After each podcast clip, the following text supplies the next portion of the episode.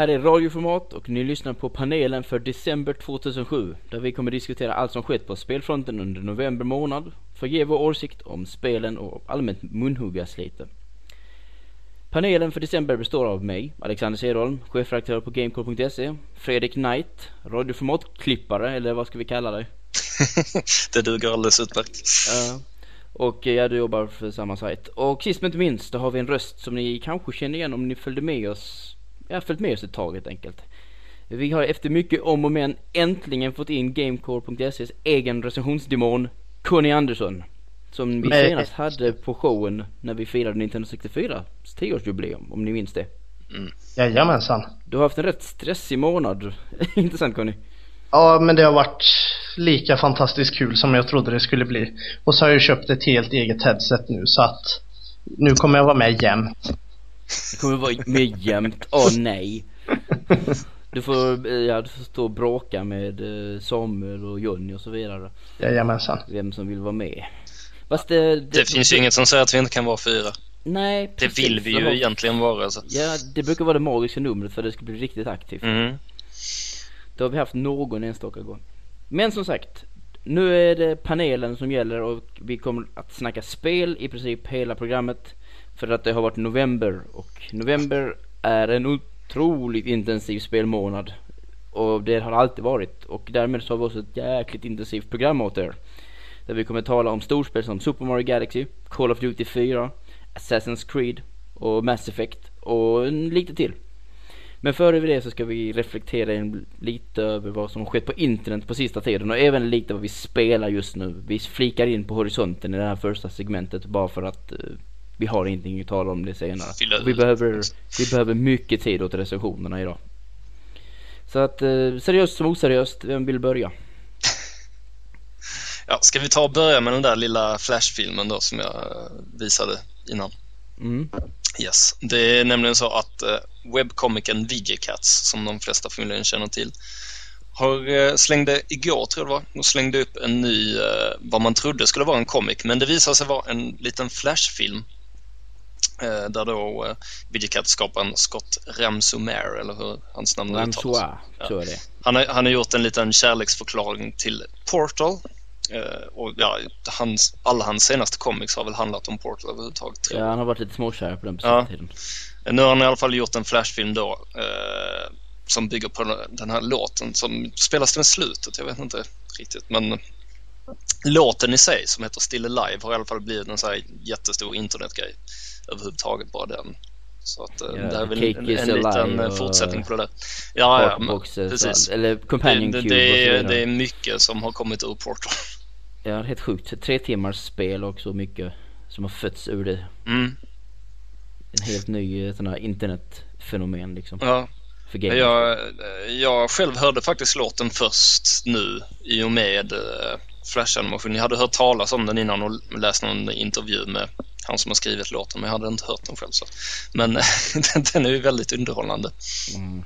Jo men det, det brukar bli så liksom. Jag tycker det är Det är kul när sånt där dyker upp egentligen och framförallt när det är så oväntat. Mm. Det tycker jag är rätt ball. Och det är som sagt, det är nördarnas nya interna skämt och så vidare. Mm. Jag vet inte, jag, jag berättade för dig, jag tror vi till och med vis, jag berättade för dig vad jag gjorde på jobbet va? Ja, det gjorde den. Mm, jag ska, jag kan citera det. Jag, jag firade nämligen två år på mitt eh, jobb på Expert i Danmark. Och då tog jag med mig tårta till arbetskamraterna. Och så skrev jag ett, ett, ett tackbrev eller vad jag ska kalla det liksom så här, tack för den här tiden. Eh, på engelska för att de är danska så att jag vill inte skriva på danska. För att det kan jag inte skriva tillräckligt bra och då har det låtit som jag var full eller någonting sånt och det vill jag inte. Så, så skrev jag så People come and go but the spirit remains. Thank you all for these two wonderful years as a proud part of Team Fields with an expert. I hope to be around for a while more.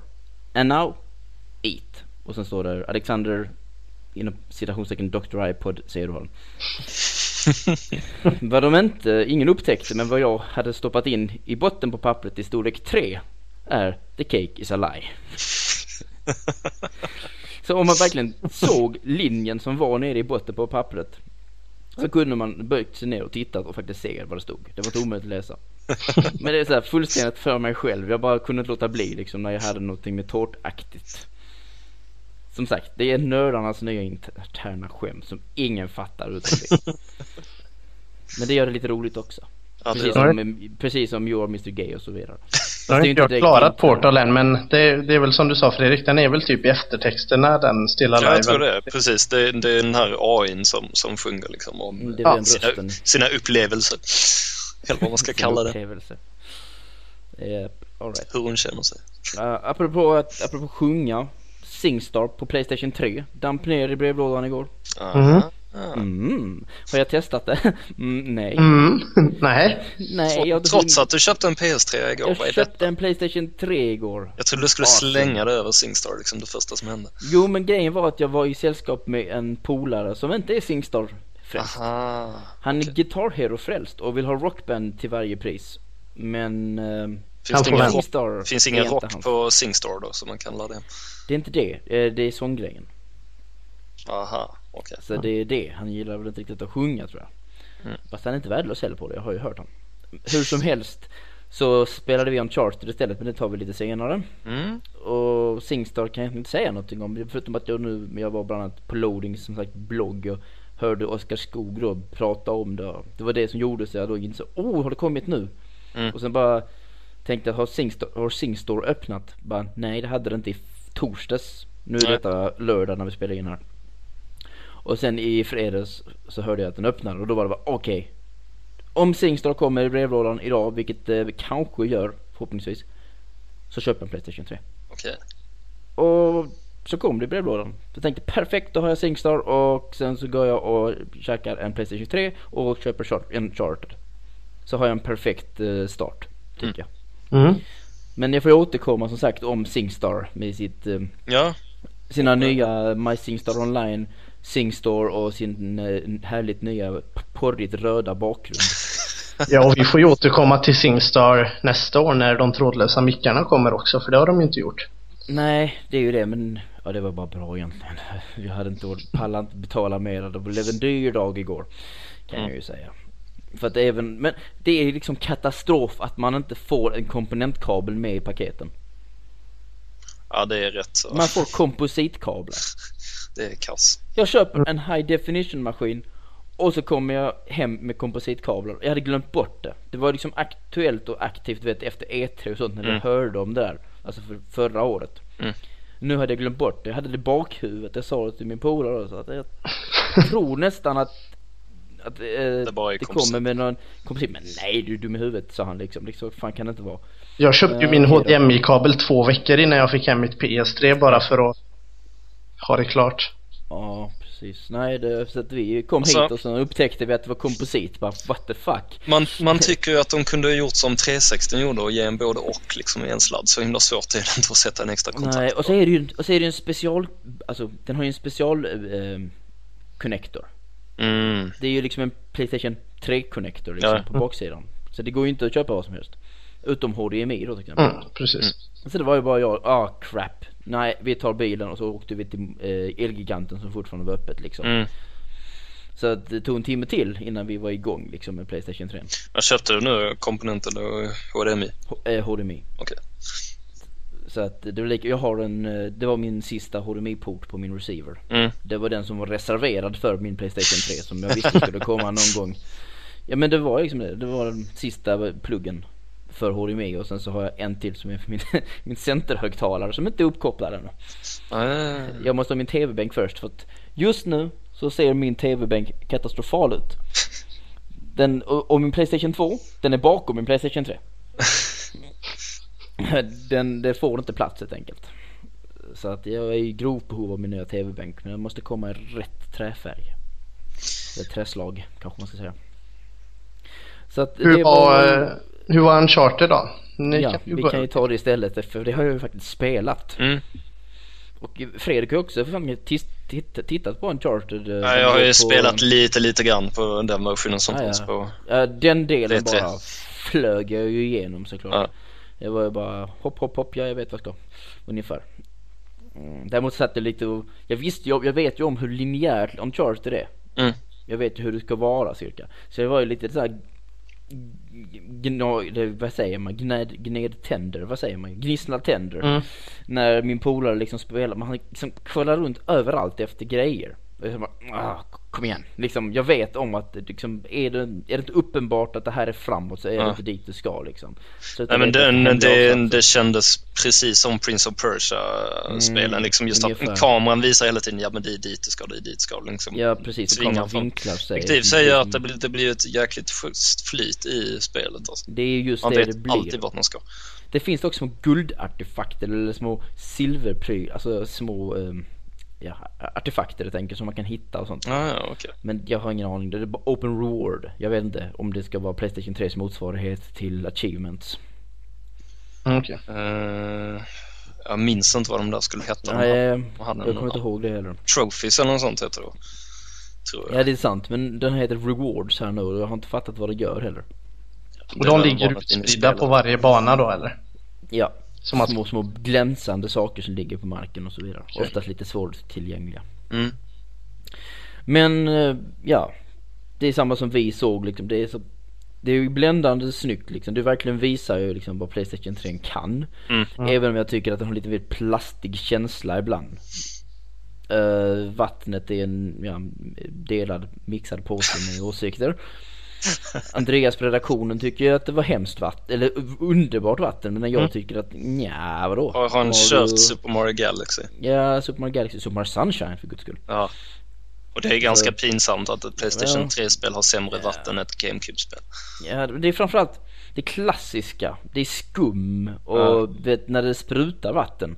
Det blir ofta sådana fula jäkla texturer. Jo men eh, grejer. alltså bara vattnet Alltså, det över är- ubåten ser ut som kvicksilver, det ser ju inte ut som vatten för Nej öre. precis, jag tycker också liksom just det att vatten ska se ut som vatten och inte kvicksilver. Och det har sett ut som kvicksilver. Och när jag senast var imponerad av kvicksilvervatten. Det var när jag spelade Baldur's Gate, eh, någonting på Playstation 2. Mm.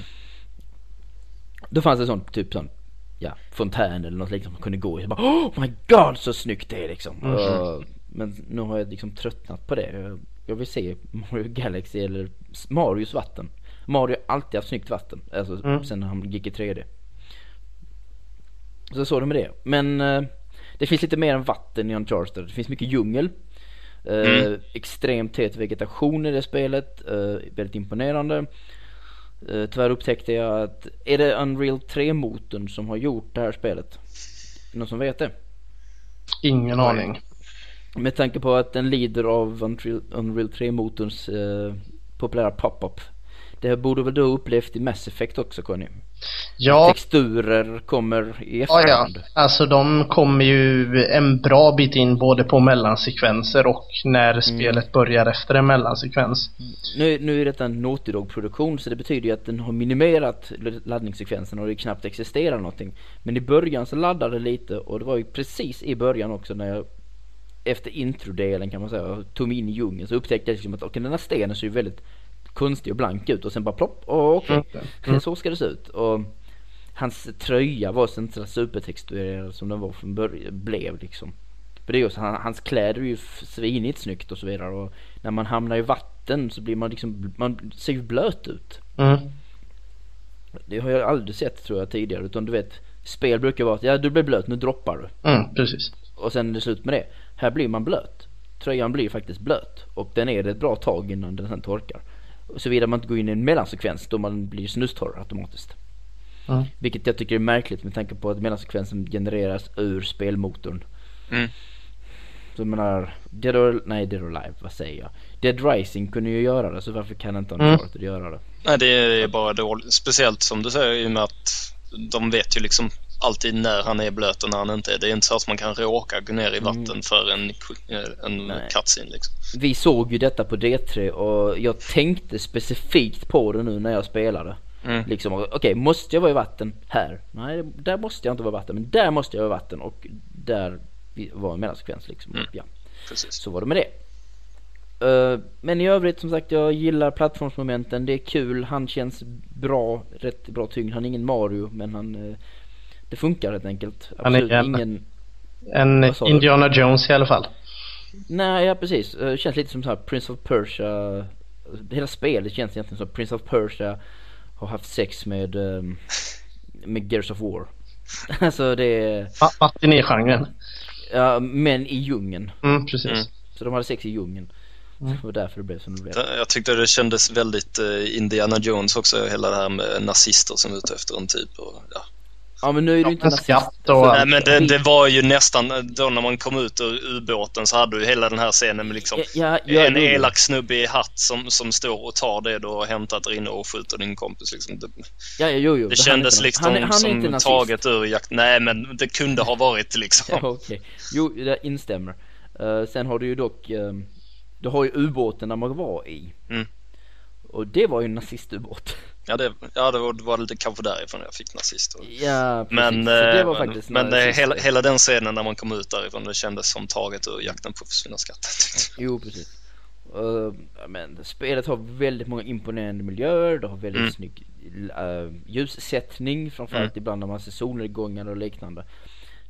Uh, och det är kul Hur funkar eh, actionbiten? För den har man hört lite delade meningar om att det... Jag tänkte komma till det, det jag tänkte. Plattformsmomenten är riktigt kul, man hoppar runt som en liten apa och så vidare. Mm. Men jag gillar inte riktigt actionmomenten. För att de, för det första är fienderna fullständigt oinspirerade. De ser ut som varandra och det är bara tråkiga pirater eller någonting. Jag vet inte riktigt vad det är för någonting jag möter alltså, om jag ska vara ärlig. Men det är människor och de tål typ tre skott ibland och sådana här saker. Mm. Eh, när de har bara överkropp eller typ går i linne så känner jag att om jag skjuter dig i bröstet så ska du falla ihop.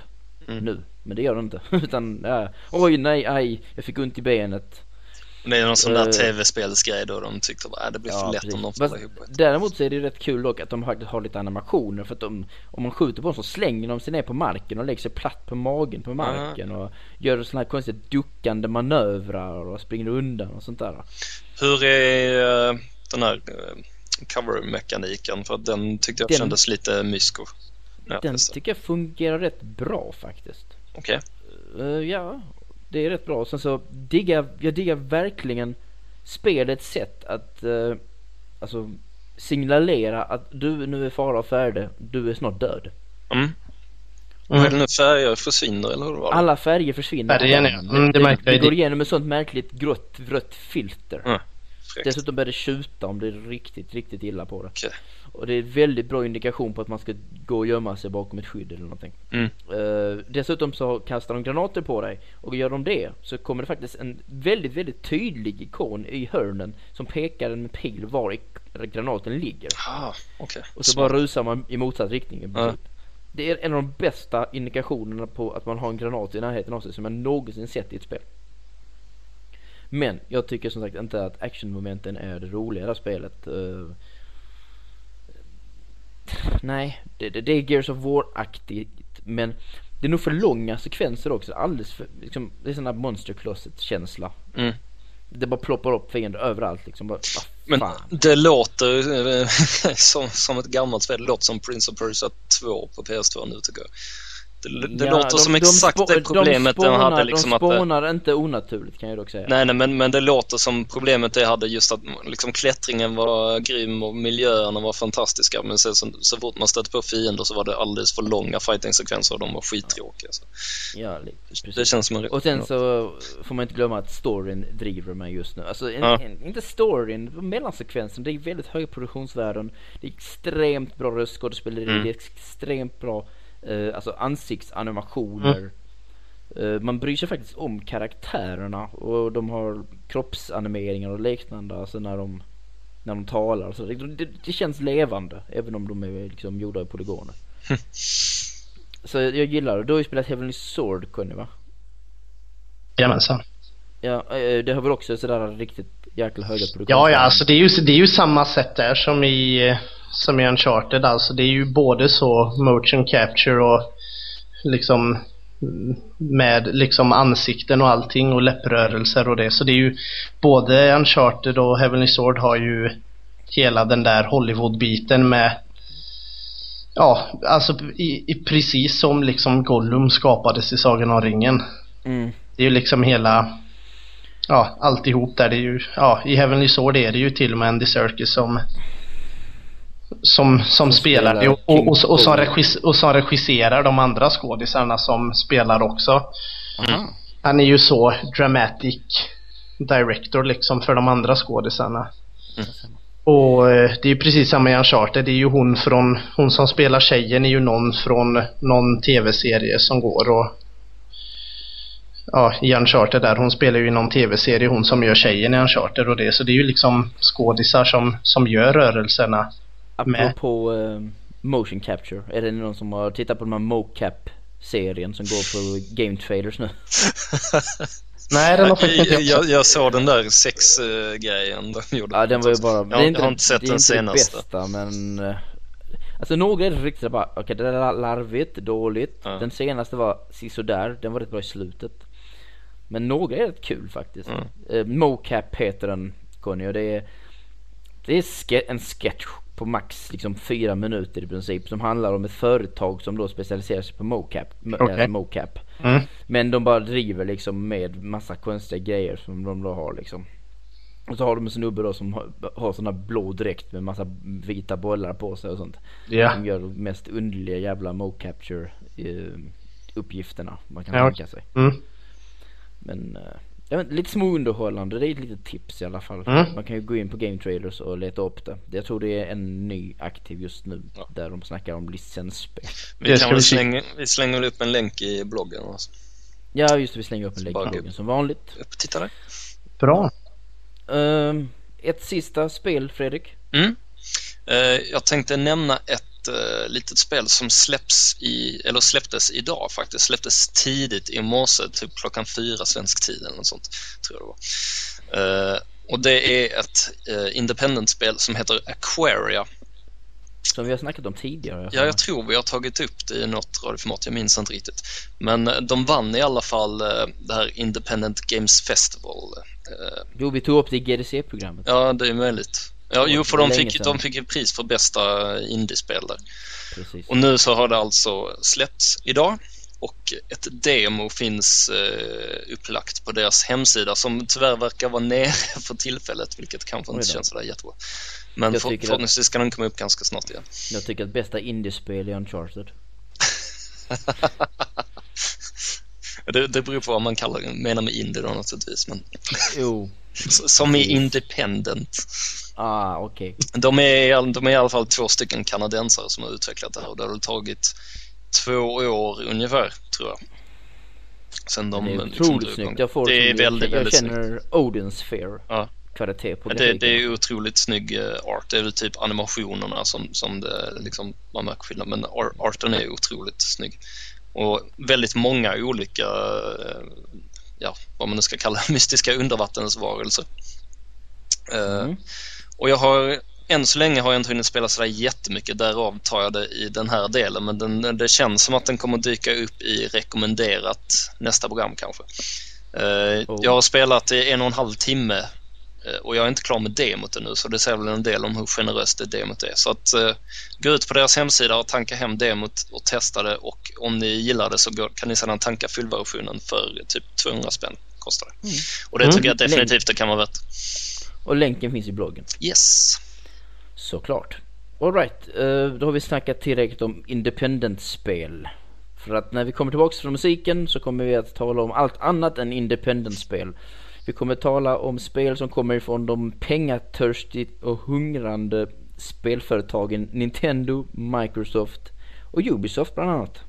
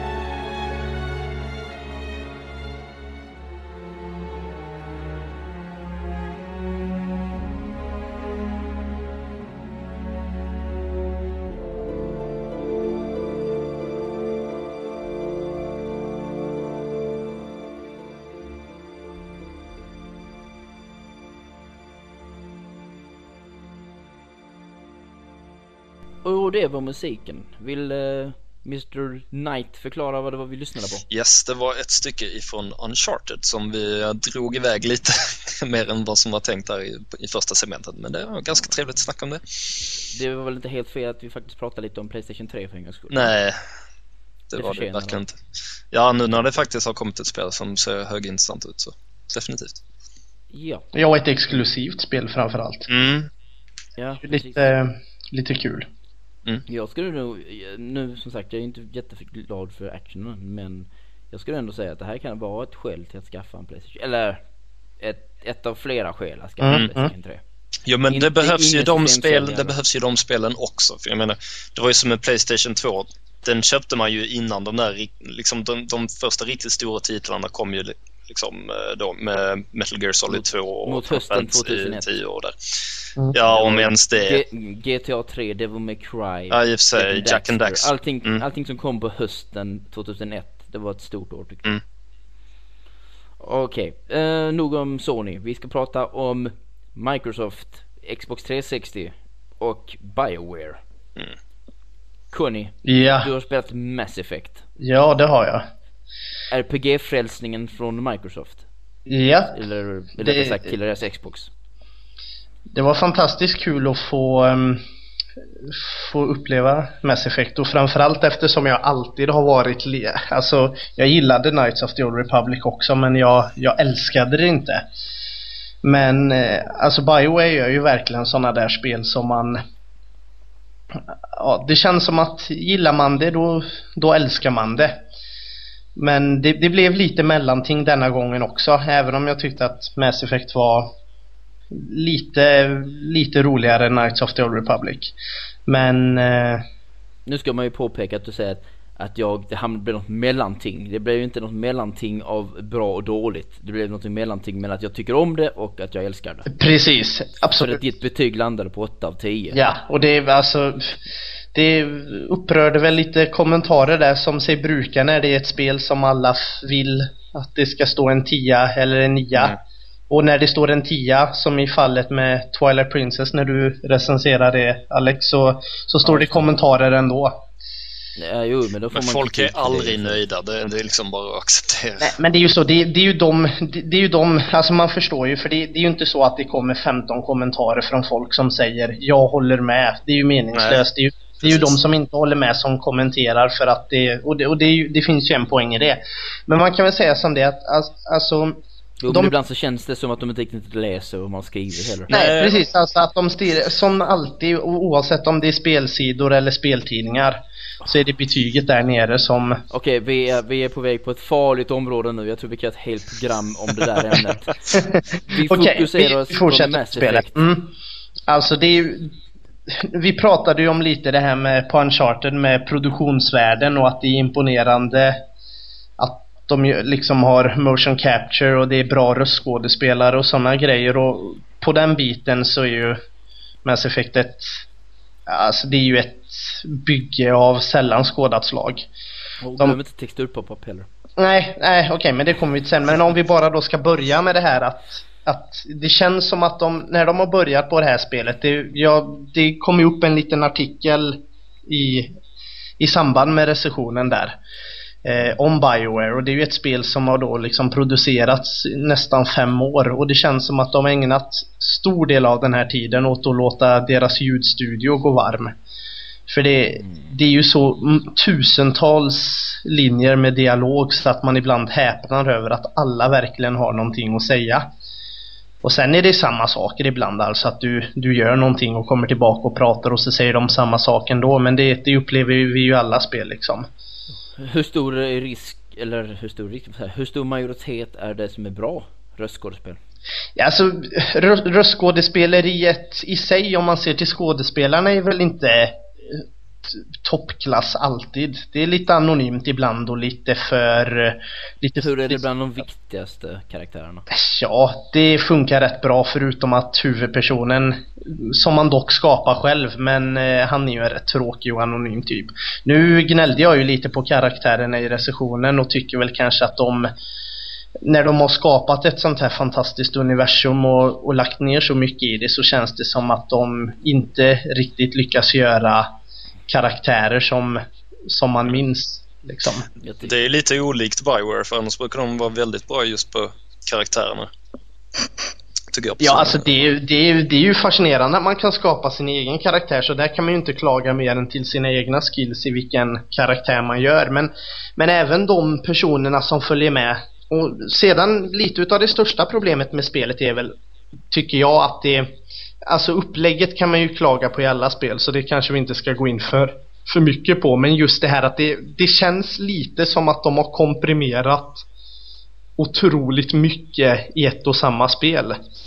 Istället för att och så samtidigt ska det vara tre delar i Ja, precis. Och, och, det känns då som att de har kommit på när det är fem timmar kvar av spelet att nej, vi, vi gör inte klart detta som en del utan vi får dela upp det.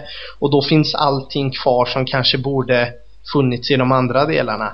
Och sett ur ett RPG-perspektiv är det ju fantastiskt för det är kodexet som finns i spelet där man kan samla information om planeter och karaktärer och skepp och varelser. Inte, inte helt olikt uh, Oblivion? Nej, men alltså... väldigt fylligt på sån information. Ja, alltså det är, ju, det är ju en dröm att man kan fylla liksom, du kan titta på så här fronten på ditt skepp och se liksom dina din kanon och så dyker det upp i kodexen och står info om det eller när du möter. Det är ju jätteimponerande men det blir samtidigt lite sådär som att hur mycket arbete har lagts ner, lagts ner på det och, och tagit fokus ifrån att skapa ett spel som känner sig underhållande hela tiden. Ja, för, för när man kommer till spelmekanik och sådana saker då, då kan jag, då vågar jag liksom till, äh, det, som, som vi sa, det är ett djupt område det här med personlig smak och det, men det känns som att där gör faktiskt inte Mass Effect någonting riktigt, riktigt bra. De har ju tagit liksom det här Resident Evil 4, Gears of War Gears of War-grejen då att kameran går bakom axeln och då säger alla i recensionen att för att vara ett RPG så är det fantastiskt vilket flyt det är i striderna. Men det känns som att då, det är ungefär som att säga att ja, för att som Mario, för att vara ett plattformsspel så är det jättebra att man kan göra dubbelhopp. Att det, är no, att det ursäktar på något vis som att... Men kan man göra dubbelhopp i Mario? Ja, men... Han kan inte göra dubbelhopp. Nej, nej, men... Oh. Om. Om. Okej okay då, Ratchet and Clank. Ja, precis. Alla andra, alla andra plattformshjältar typ, ja, utom Mario kan göra dubbelhopp. Men han kan göra vägghopp och lång, långa hopp. Mm, och högre hopp. Och högre hopp. Men, men just det där att det känns som en liten billig ursäkt på något vis att, att, att säga att, att striderna är inte perfekta, men för att vara Det är ju ett rollspel, då behöver det inte vara bara strider. Det tycker inte du, jag heller håller. Så du får du svara på frågan. När du spelade Mass Effect, mm? spelade du som alltså vilt skjutande och så vidare? Eller använder du dig av det här paussystemet som det mycket användes av? Jag sköt ganska mycket gjorde jag. Du, Men... du, be, du behandlade spelet som ett actionspel snarare än ett strategiskt eller taktiskt Nej men alltså visst, jag, jag pausade och gav order till, till dem och liksom sa att de skulle täcka och skydda och sådana saker. Så jag testade ju jag testade ju många olika men det är samtidigt det att det, det uppmuntrar ju en till att köra det mycket som ett actionspel när det kommer. För att det finns liksom ingenting i alla fall till en början eh, så finns det inte så mycket som tvingar en till att tänka taktiskt och det är liksom likadant där att ja visst då kan man ta det, tänka så att ja men man ska göra det, jo men om det är lättare att ta upp pistolen och skjuta tre skott på en robot så att han dör, varför ska jag då pausa spelet, skicka en soldat dit, gå till det skyddet och göra en sekvens som tar 15 minuter när jag kan ta upp pistolen och skjuta på honom tre skott. Då, då känner jag hellre att i så fall får spelet utmana mig att faktiskt tänka taktiskt och använda de taktiska grejerna. Mm. Men eh, Alltså ju, ju längre tid spelet går och ju längre tid man lär känna karaktärer och sådana saker och ju längre tid man börjar upptäcka Vintergatan och alla de här planeterna så, så växer ju det hela tiden och i slutet när man står där och inte håller på att ta slut och man längtar till uppföljaren då då är det ju ett fantastiskt bra spel i slutändan så. Det är väl bara det att det det är lite, det är de flesta spel, men det är lite ett sånt där på förhandsspel att ibland får jag känslan av att det spelar ingen roll vad som hade vad som hade gjorts. De, de som har bestämt sig och älskar det, älskar det ändå. Och det är ju, det är ju en stil. De kör ju det Bioware. Alltså det är ju väldigt det är ju väldigt Bioware-aktigt spelet. Det är väldigt, det är väldigt roligt, alltså Bioware kör ut, alltså lägga grunden, alltså från gamla typiska pappersrollspel och liknande. Mm. Det är i alla fall det intrycket jag får. De är lite mer hardcore, lite mera som retro-stilen på ett nytt vis såklart. De har ju definitivt gjort någonting nytt med Mass Effect. Ja, ja absolut. System och så Det vidare. går ju inte jämföra med så men, många. men de, de förhåller sig till att ha det där djupet som vi, alltså som vi som spelade pappersrollspel, alltså i Europa och liknande hade. Det är ju, de är ju den absolut raka motpolen till vad som liksom japanerna sysslade med. Ja, men det har ju, det har ju liksom aldrig... där kan du ju dela upp västerländska rollspel och japanska rollspel överhuvudtaget. Det är ju inte bara Bioware utan det är ju liksom två helt tror- olika genrer. Jag tycker inte det går att jämföra egentligen. Jag tror jag, jag vet inte ifall det var dig jag sa det till Alex eller någon annan att över MSN så att när man spelar, samtidigt som ni så satt och spelade Mass Effect så kom ju Super Mario Galaxy också där. Mm. Och det är ju så, det, de, de två spelen är ju så totalt olika varandra och det är på något sätt är det ju det som är fascinerande över vad det är som gör ett spel med. I Mario är det ingen dialog, det är bara styra honom och hoppa på och styra Mario med liksom nunchucken. Och det är, och, och, och Mass Effect är liksom den raka motsatsen till spelkontroll och enkel underhållning. Där är det 5000 linjer dialog och mellansekvenser som tar upp merparten av de här 25 timmarna liksom. Det är helt och hållet vad man kan gilla och så vidare. Jo men, ja, och, och jag gillar, jag gillar bägge och jag gillar Mass Effect också för det, jag älskar RPG och jag älskar framförallt liksom manus och dramaturgi och hela den biten. Det är väl bara det att man känner att det kanske på spelbarhetsnivån inte riktigt blir någonting jättefascinerande. Men, men någonting har ju hänt och för att jag går återigen österländskt versus västerländskt. Det är att vi kan se, den japanska har nu tagit vinkeln till nästa generation och vinklar in sig nu genom att om vi kollar på Final Fantasy 12. Mm. Och sen så ser vi den västerländska perspektivet och då har vi typ Mass Effect. Då har vi två spel som börjar bete sig på ett liknande vis men på helt olika sätt. Hänger ni med vad jag menar med det? Uh, inte riktigt. Det? Nej, det jag syftar på är att du vet, framförallt 12 är väldigt annorlunda när det kommer till hur det beter sig. Ja, alltså sett till, en, sett till Inga- andra Final Fantasy-spel. eh, Inga random encounters längre och så vidare. Mm. Eh, det är väldigt så här, alltså nere på marken och så vidare. Mm. Nu är Mass Effect likadant. Mm.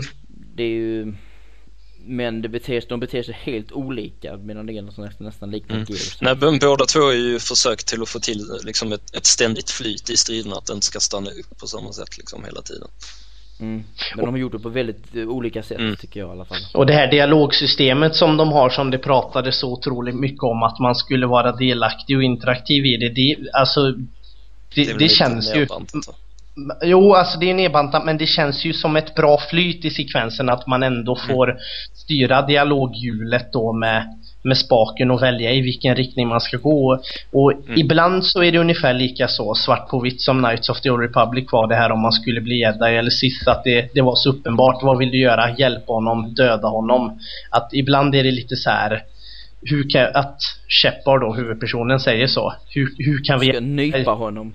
Ja, precis. Hur kan vi hjälpa dig? Eller så är det kill them längst ner istället.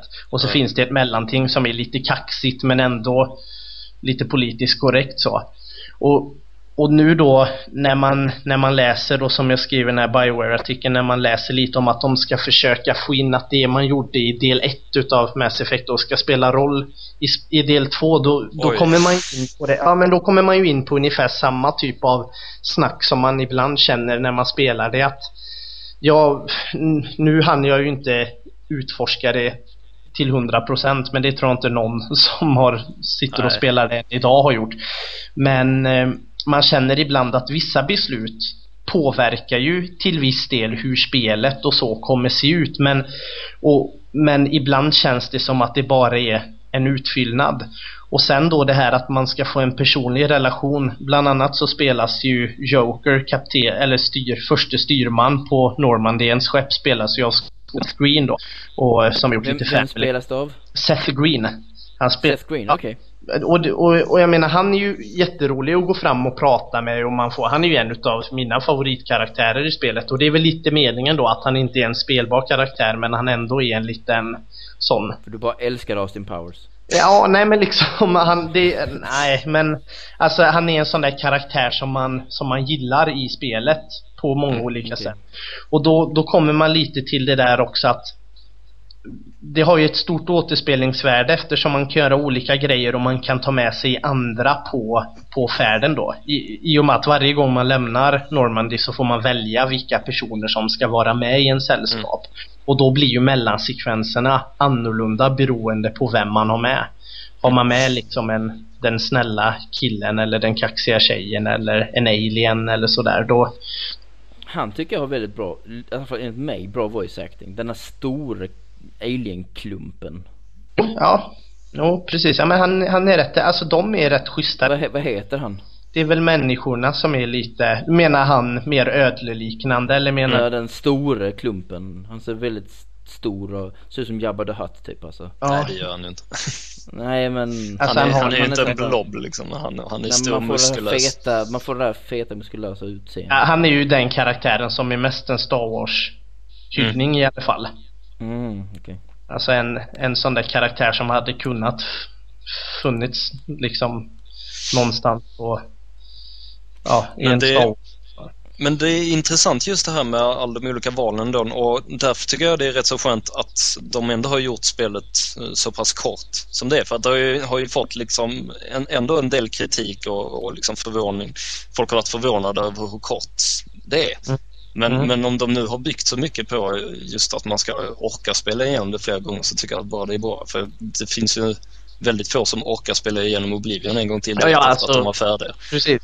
Om det hade varit 85 timmar långt så hade det varit tveksamt om man hade orkat spela igenom det bara för att 10 timmar blir annorlunda liksom. Precis. Mm. Så att Alltså det, det är ett jättebra... Vad, vad spelade du som?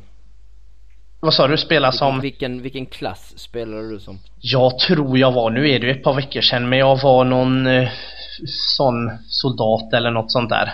Och Vad heter de Fredrik? Paragon eller vad heter de? Jag har inte kört det, så men där är, där är ju någon eh, Och mina föräldrar hade... soldier, lite soldier-klass eller något Ja, precis. Som Ja, mina föräldrar hade försvunnit dött i någon, i någon som man får ju en liten sån recap precis i början när man Mm. startar. Så zoom, zoomar kameran in så liksom genom ett fönster och man ser huvudpersonen stå där.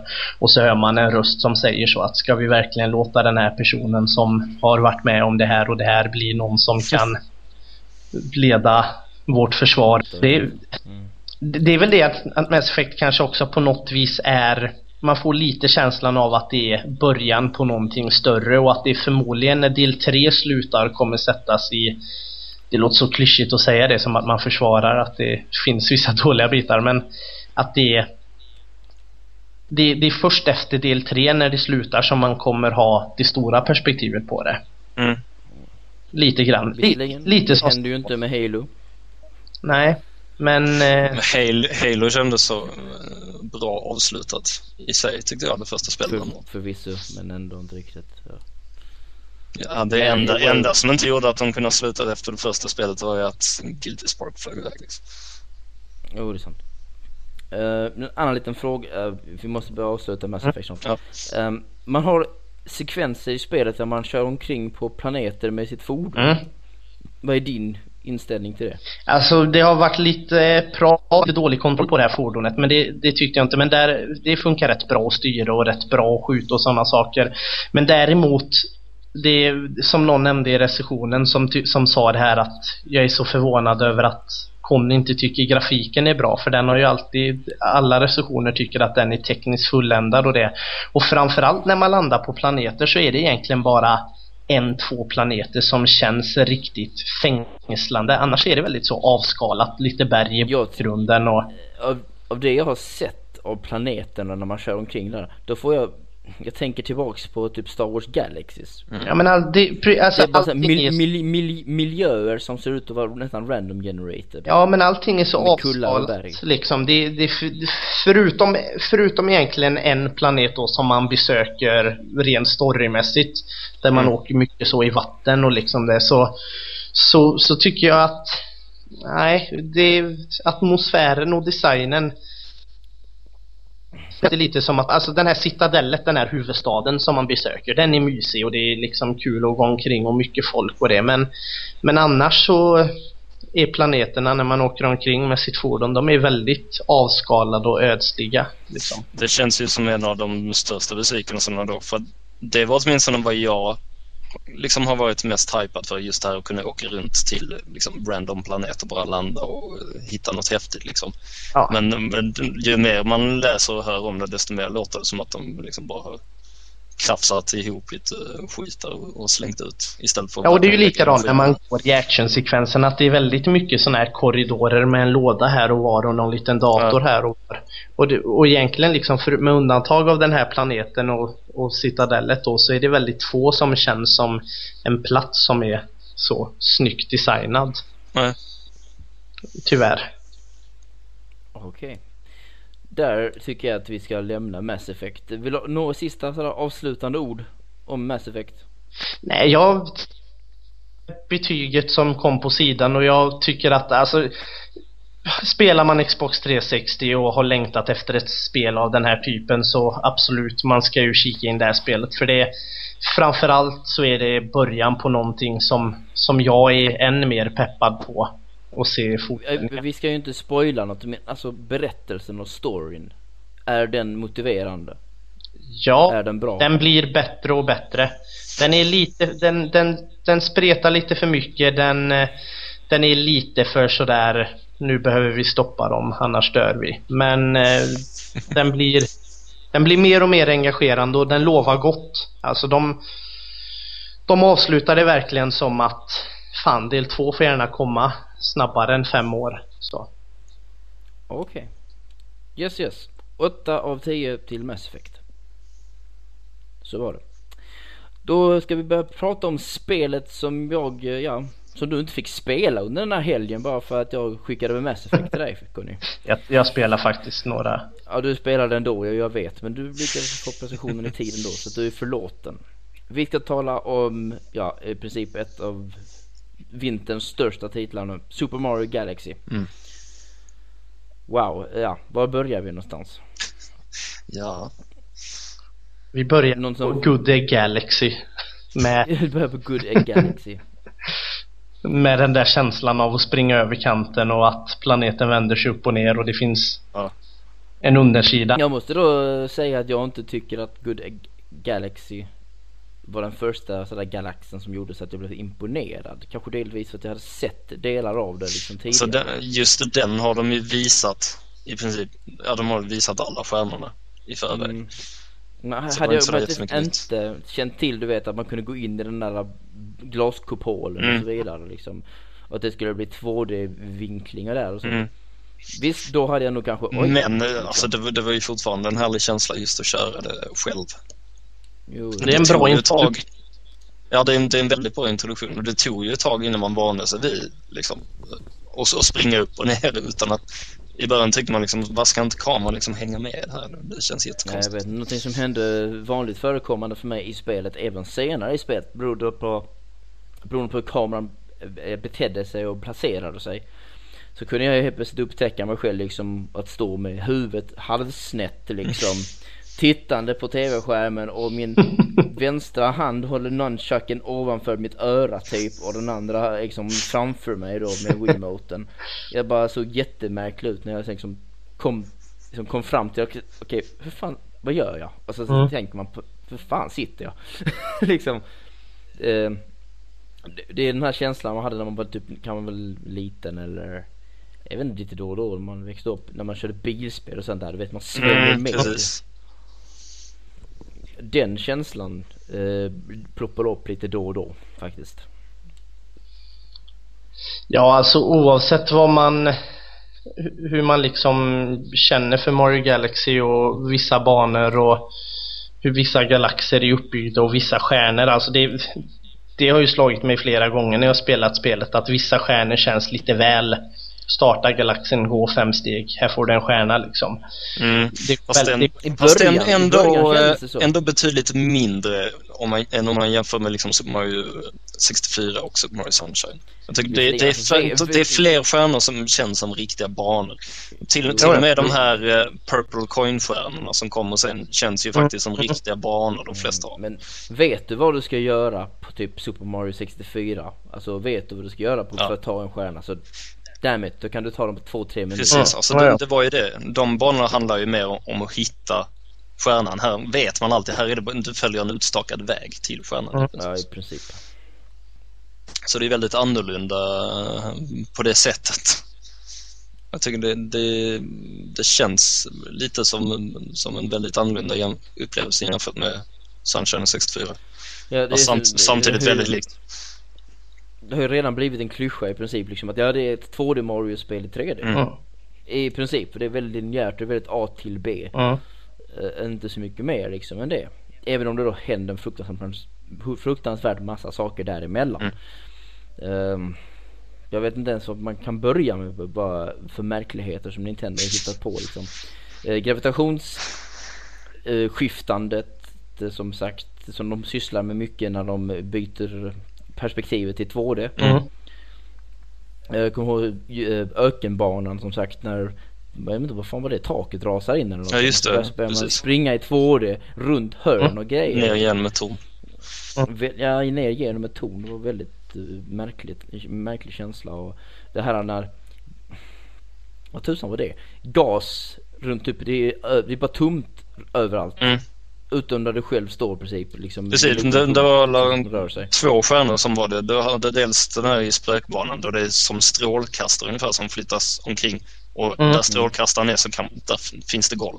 Och sen så kommer det en även där det liksom stänker eh, någon vätska och där den är så, så dyker det upp golv under en liten... Ja, och sen en där man springer själv och så kommer golven liksom när man Ja. springer. Uppe i, eh, jag tror det är Junk. Ja du menar, du menar den där blåa? Ja just det, den i, eh, i Space Junk va? Där Ja, de eh, precis. Ja, sätter ihop sig framför en.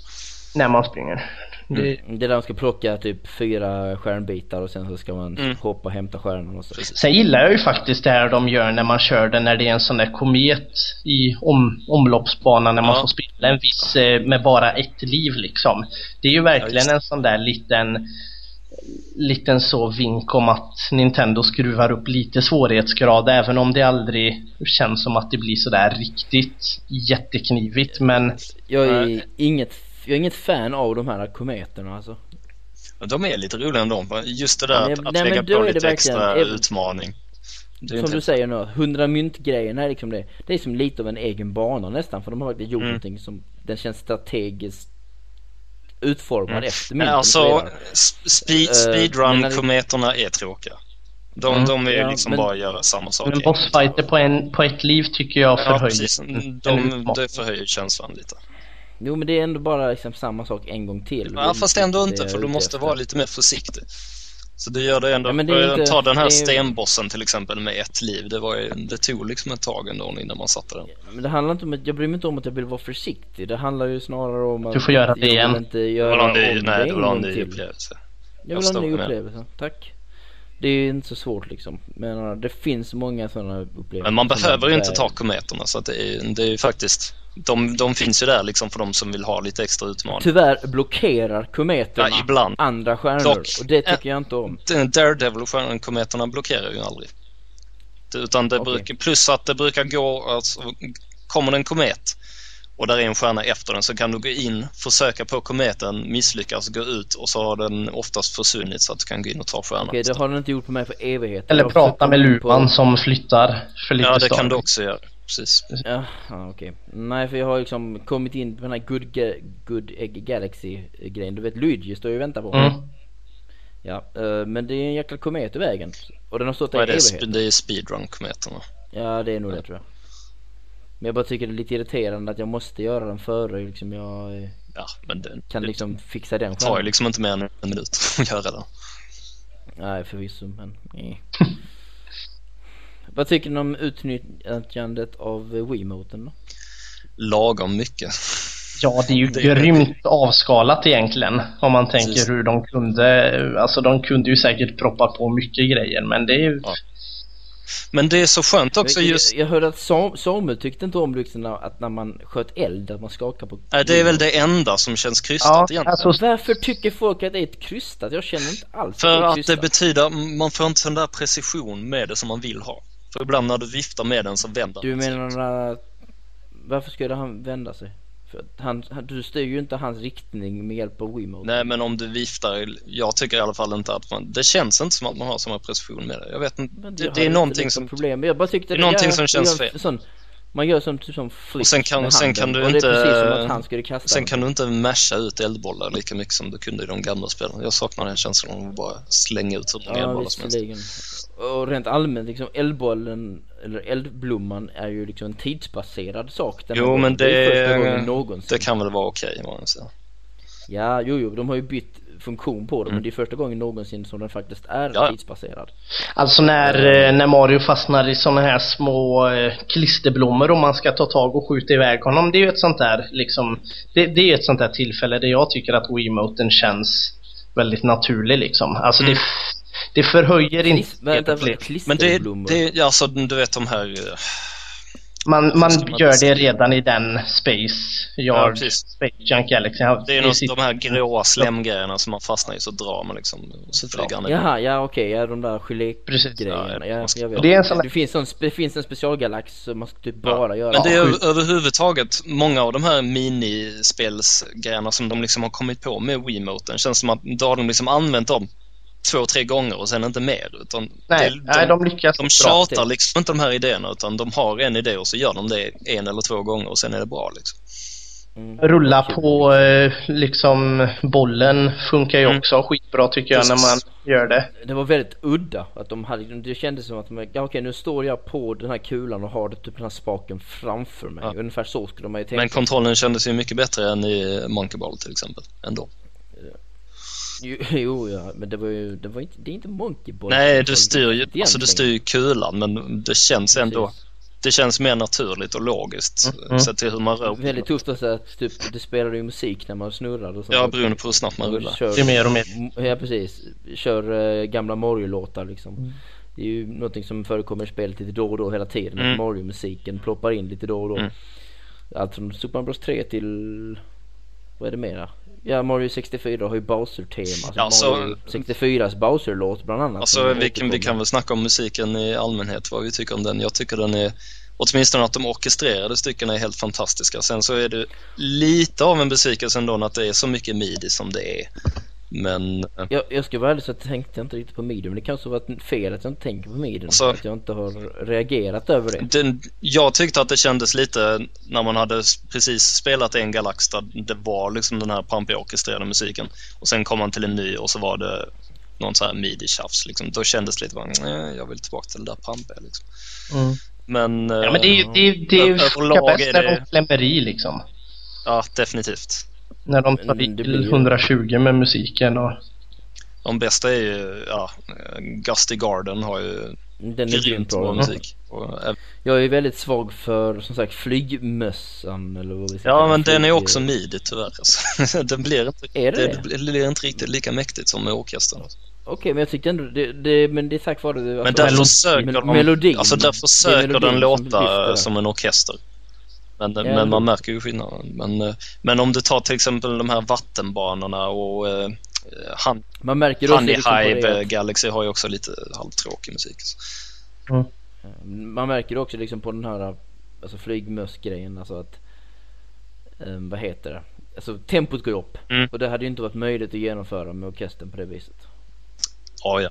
Den speed, ja men den speedar ju upp sen på det Det är viset. ju inte, Nej, det är inte så svårt. Den, alltså, den är ju satt till en viss längd. Den speedar ju upp på slutet för att man ska veta att okej, nu tar mössan slut.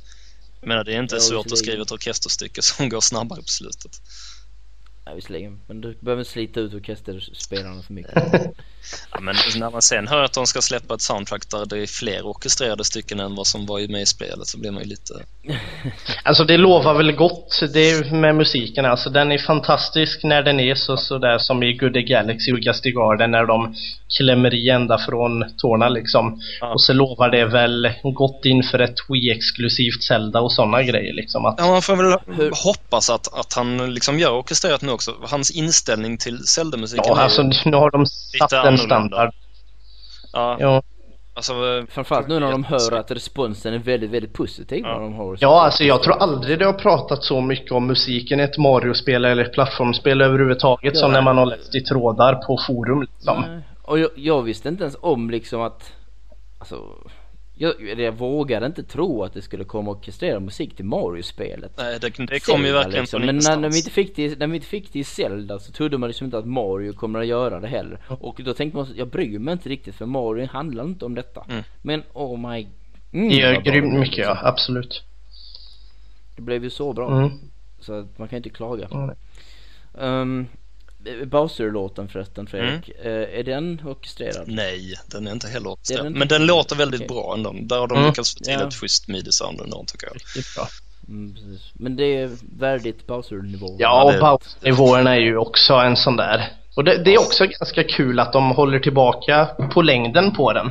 Alltså de, de är ju rätt korta när man springer upp ändå. Mm. Och, det, och det är ju som den här... Jag satt och disku, min, min lilla syster var på besök och fastnade vid Mario här i två dagar och satt och tog ett gäng stjärnor.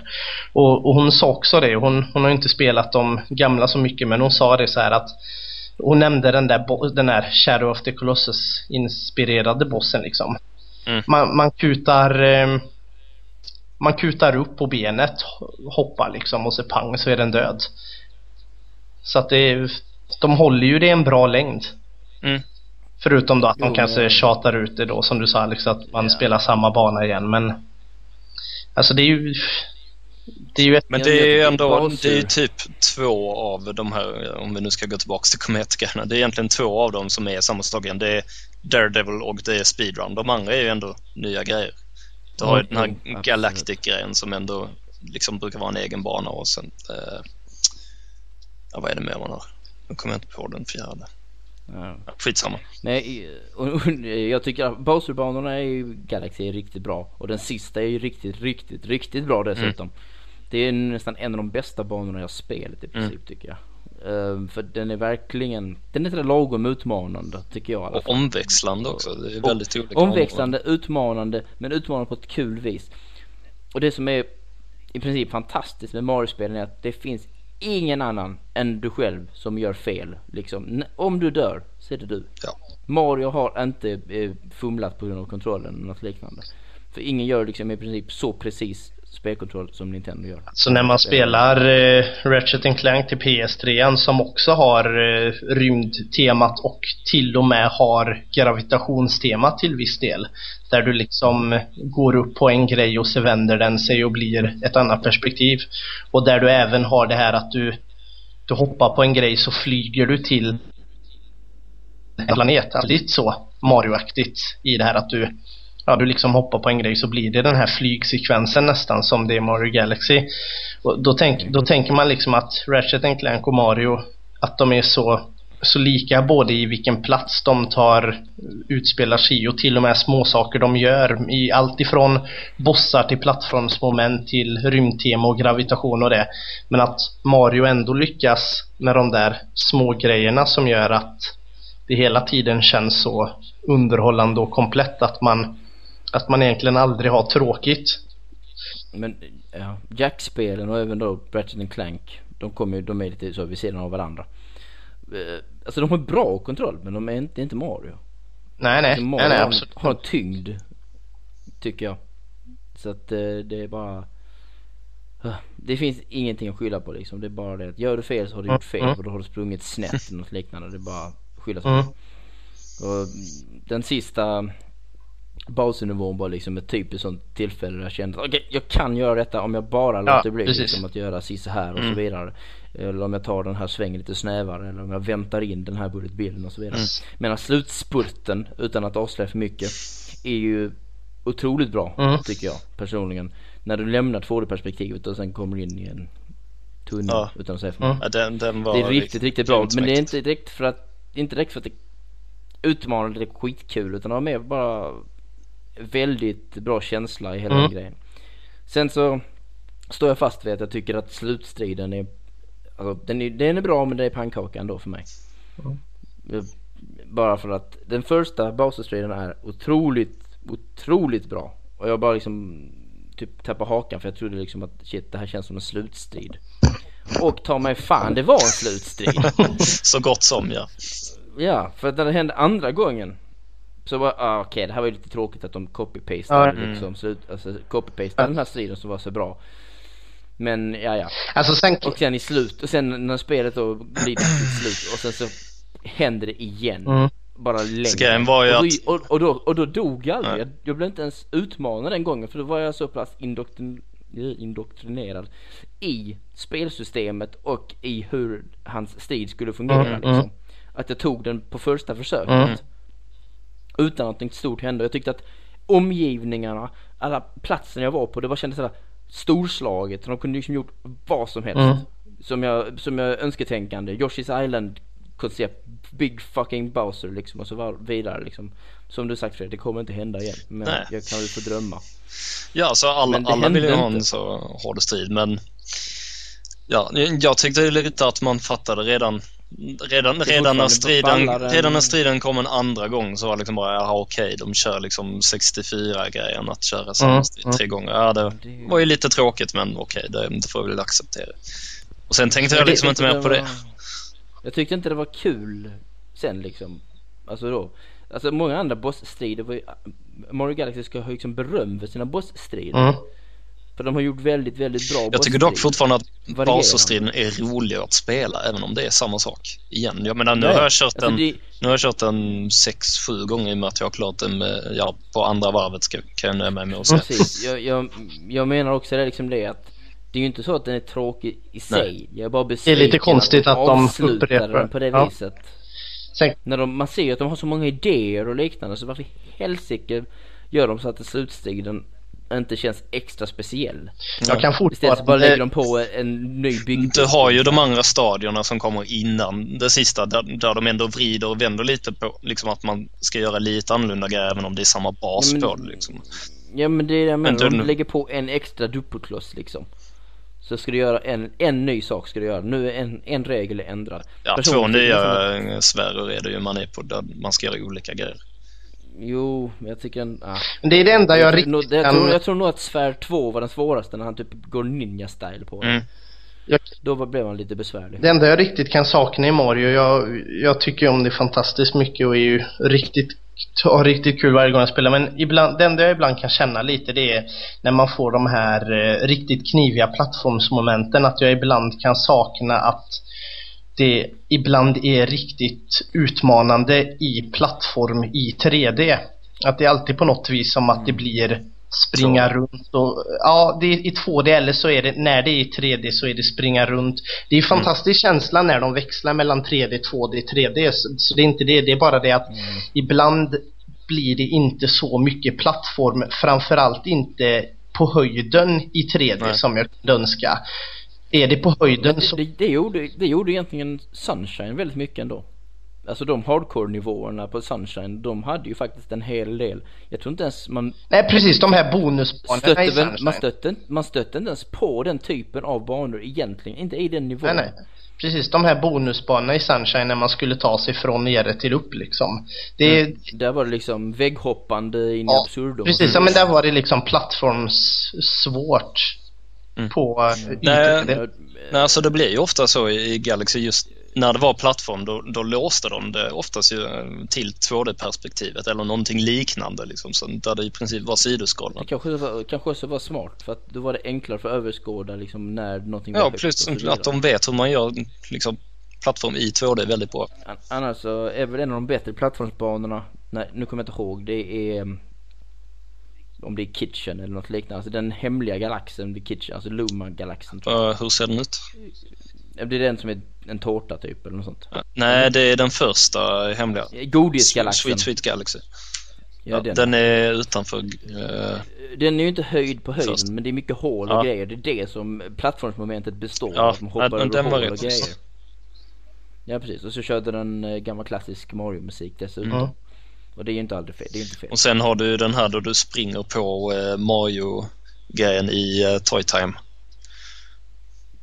Ja, den är väl det- en av de det- bättre plattformsgrejerna i, i 3D. Tillsammans med Bujo Bad Boyo Galaxy. Så är det liksom, eh, vad heter den, vad heter den galaxen med Mario och så vidare? Uh, Toy Time heter det. Toy Time Galaxy. Tillsammans med Bujo Bad Boyo Galaxy. Ja, skitsam vad den än heter. Base. Jag har inte lärt mig namnen. Bujo Base, tack. Så är det mina favoritgalaxer. Mm. Absolut de bästa Ja, det är- nivåerna. Galet många bra banor. Jag har känt nu när jag liksom har kört igen det igen hur, hur roligt det faktiskt är att ta alla stjärnorna igen. Mm, och den, Och hur alltså olika stjärnorna är framförallt. Den där när man ska upp på den här leksaksroboten. En hel sån robot som bara är en bana i princip. Mm. Mm. Den stora räken. Tyckte jag var skitkul. Dessutom så gillar jag bonusföremålet eh, fjädern. Jag gillar den inte var den. Jag tyckte den var lattjo. Jag gillar Jo, att bli jagad utav eh, kanonerna och få springa. Alltså när Ja. de här Mm. och, och man ska springa och liksom få dem att skjuta, eller liksom förstöra där stjärnan ligger. Precis. Det är ett sånt där moment som jag tror och hoppas att de kan eh, använda liksom i Super Mario Vintergata eller vad det blir. Vad, vad finns Ja, det? Super Mario se. Universe? För det- Mm, ja, precis. Men de har lärt sig en hel del sen sist också. Men jag tar bara det när man gör, jag vet inte vad det är, tredje fighten eller någonting sånt. Eller an, fjärde fighten kanske det är, bossfighten alltså. Men det, det växlar, det, va, det är ingen spoiler. Man växlar mellan Bowser Jr och alltså riktiga Bowser i, i, i bossstriden för Mm, ja, galaxerna. typ. Och när man möter honom liksom på sitt eh, skepp eller sånt där liknande. Alltså, det är så mycket fiender på skärmen samtidigt men spelet hackar inte. Nej, nej. Till skillnad från Sunshine Mm. som fick eh, liksom hosta liksom när de här Manta Racen blev 30 stycken. Just Och, och när, även när Petey började flyga omkring och spy i Bianco Hill så liksom bara hackade spelet ihop fullständigt. Alltså stundtals Spelet. är ju Galaxy verkligen så snyggt tycker jag att man, man bara känner nu att nu finns det ingen ursäkt för någon annan utvecklare och gnälla på Wii och dess kapacitet även om vi vet att den är begränsad så känns det som att liksom Galaxy visar ju i alla fall vad man kan göra. Jag tyckte aldrig att Galaxy kändes fult. Eller jag var aldrig så här tänkte på att ah, det här skulle varit mycket bättre på 360. Nej precis, nej nej. Det Det är ju, det är ju Det, det, har jag, det har jag gjort på andra Wii-spel. men, Men inte men det handlar ju så otroligt mycket om designen framförallt. Liksom. Och sen bara det lilla filtret de har lagt på. För jag kollade på någon sån här jämförelse mellan grafiken och på Galaxy och Sunshine och det är inte speciellt stor skillnad på modellerna eller någonting utan men det, bara det där lilla fil, filtret att Mario glänser lite gör så otroligt mycket.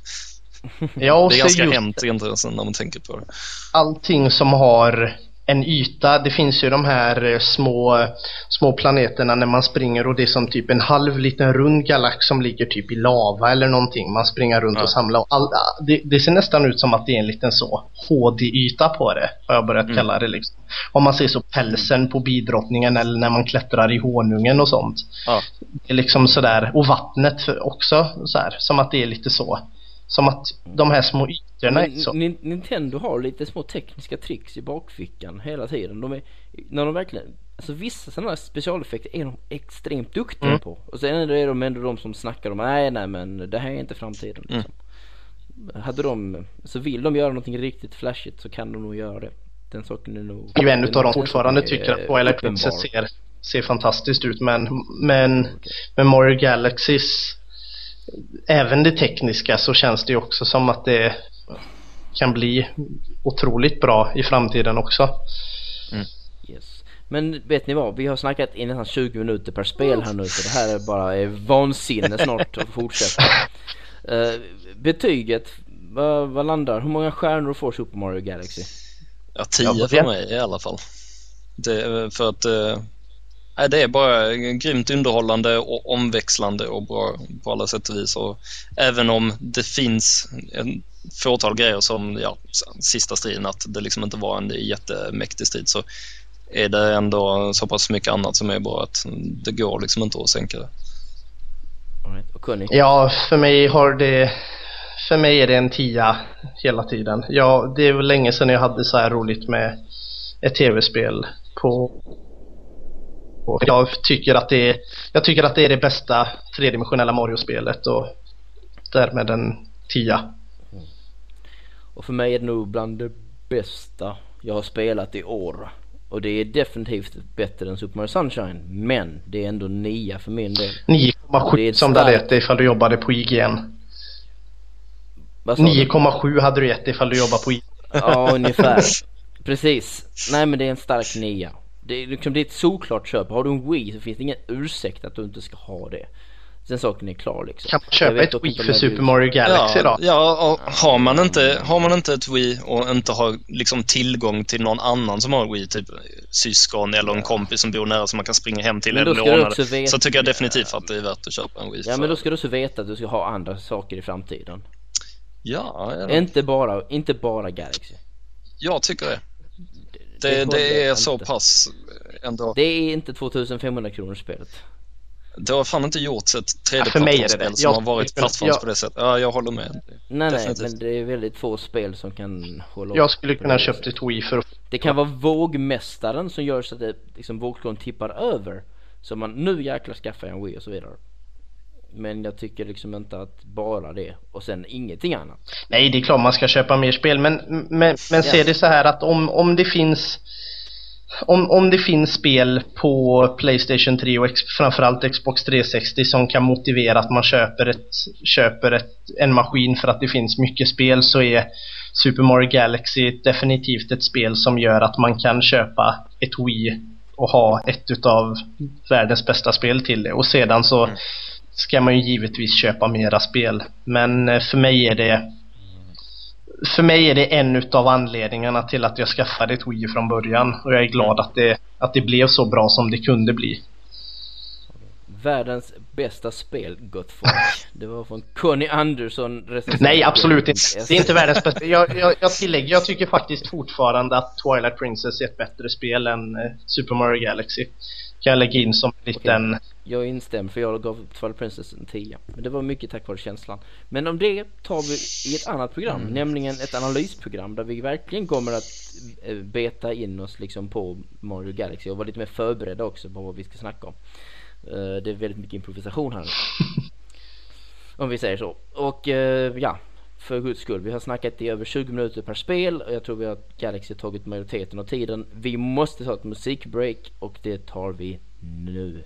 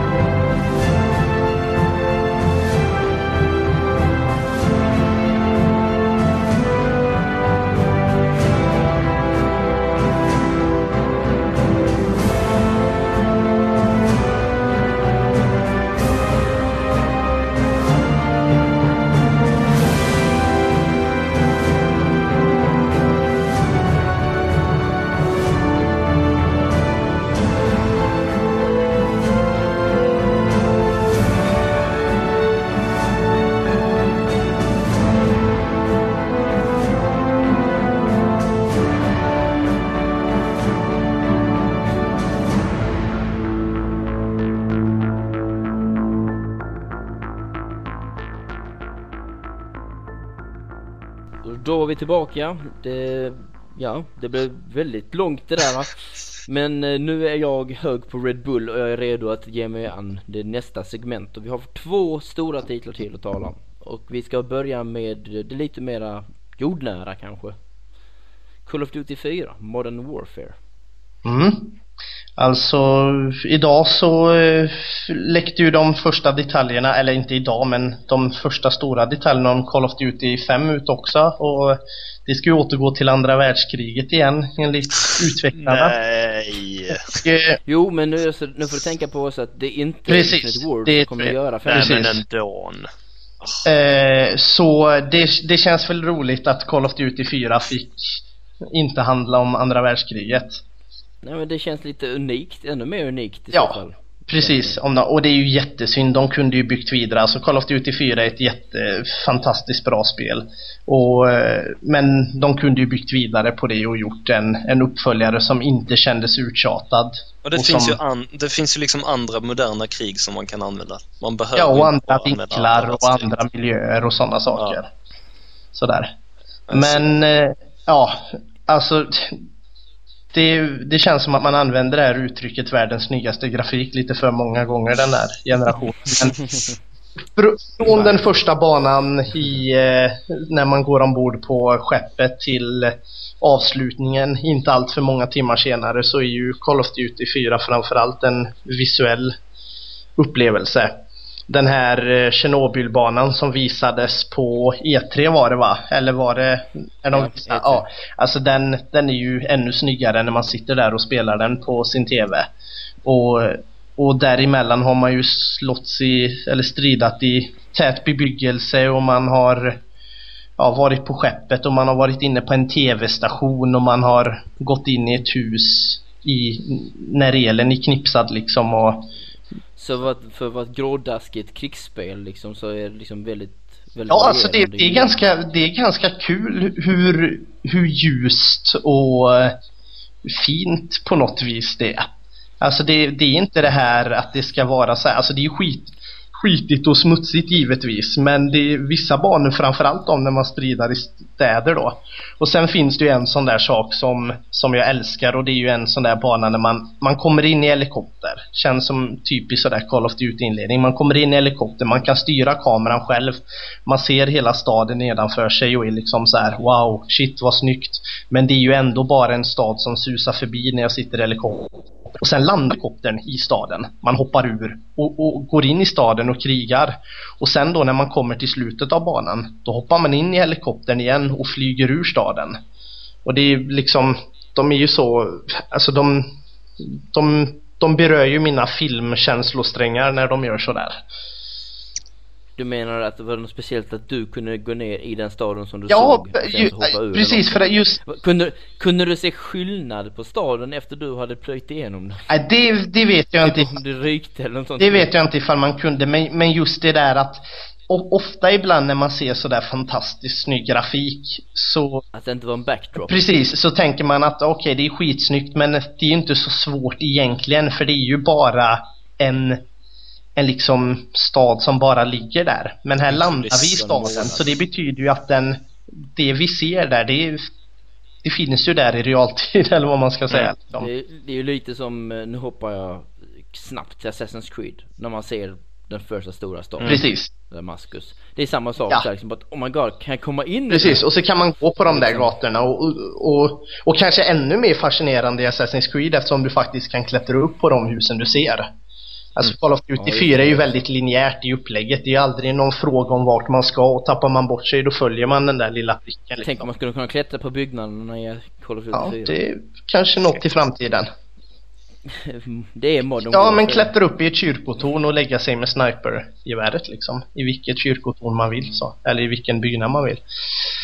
Men det är ju en, eh, alltså det är ju en intensiv, intensiv upplevelse. De gör ju skriptade sekvenser som helikoptrar som kraschar och saker som susar förbi riktigt snyggt. Och det är ju, det är, och nu ska jag inte avslöja saker som, som har med handlingen och så eller göra men de gör ju sekvenser. Den, den här Tjernobylbanan exempelvis, den är en interaktiv film. Och jag minns att när jag skrev förtiteln för Gamecore då att jag, jag sa det om den här Tjernobylbanan att man, är, man går förbi ett hus där det är soldater inne och så säger den här eh, sergeanten till en så att så don't even think about it säger han när man går förbi. Och att man verkligen kan börja skjuta in genom fönstret där om man vill och det blir krig eller så smyger man förbi den och så blir det inte krig. Mm. Utan man... Ja, men... Ja, men liksom, man, Det låter som att typ står liksom, framför en jättevärldskarta och typ ska trycka på en knapp och släppa iväg en bomb eller någonting. Ja, nu blir det krig! Jo, jo, okej, det, blir, det blir en liten strid där så.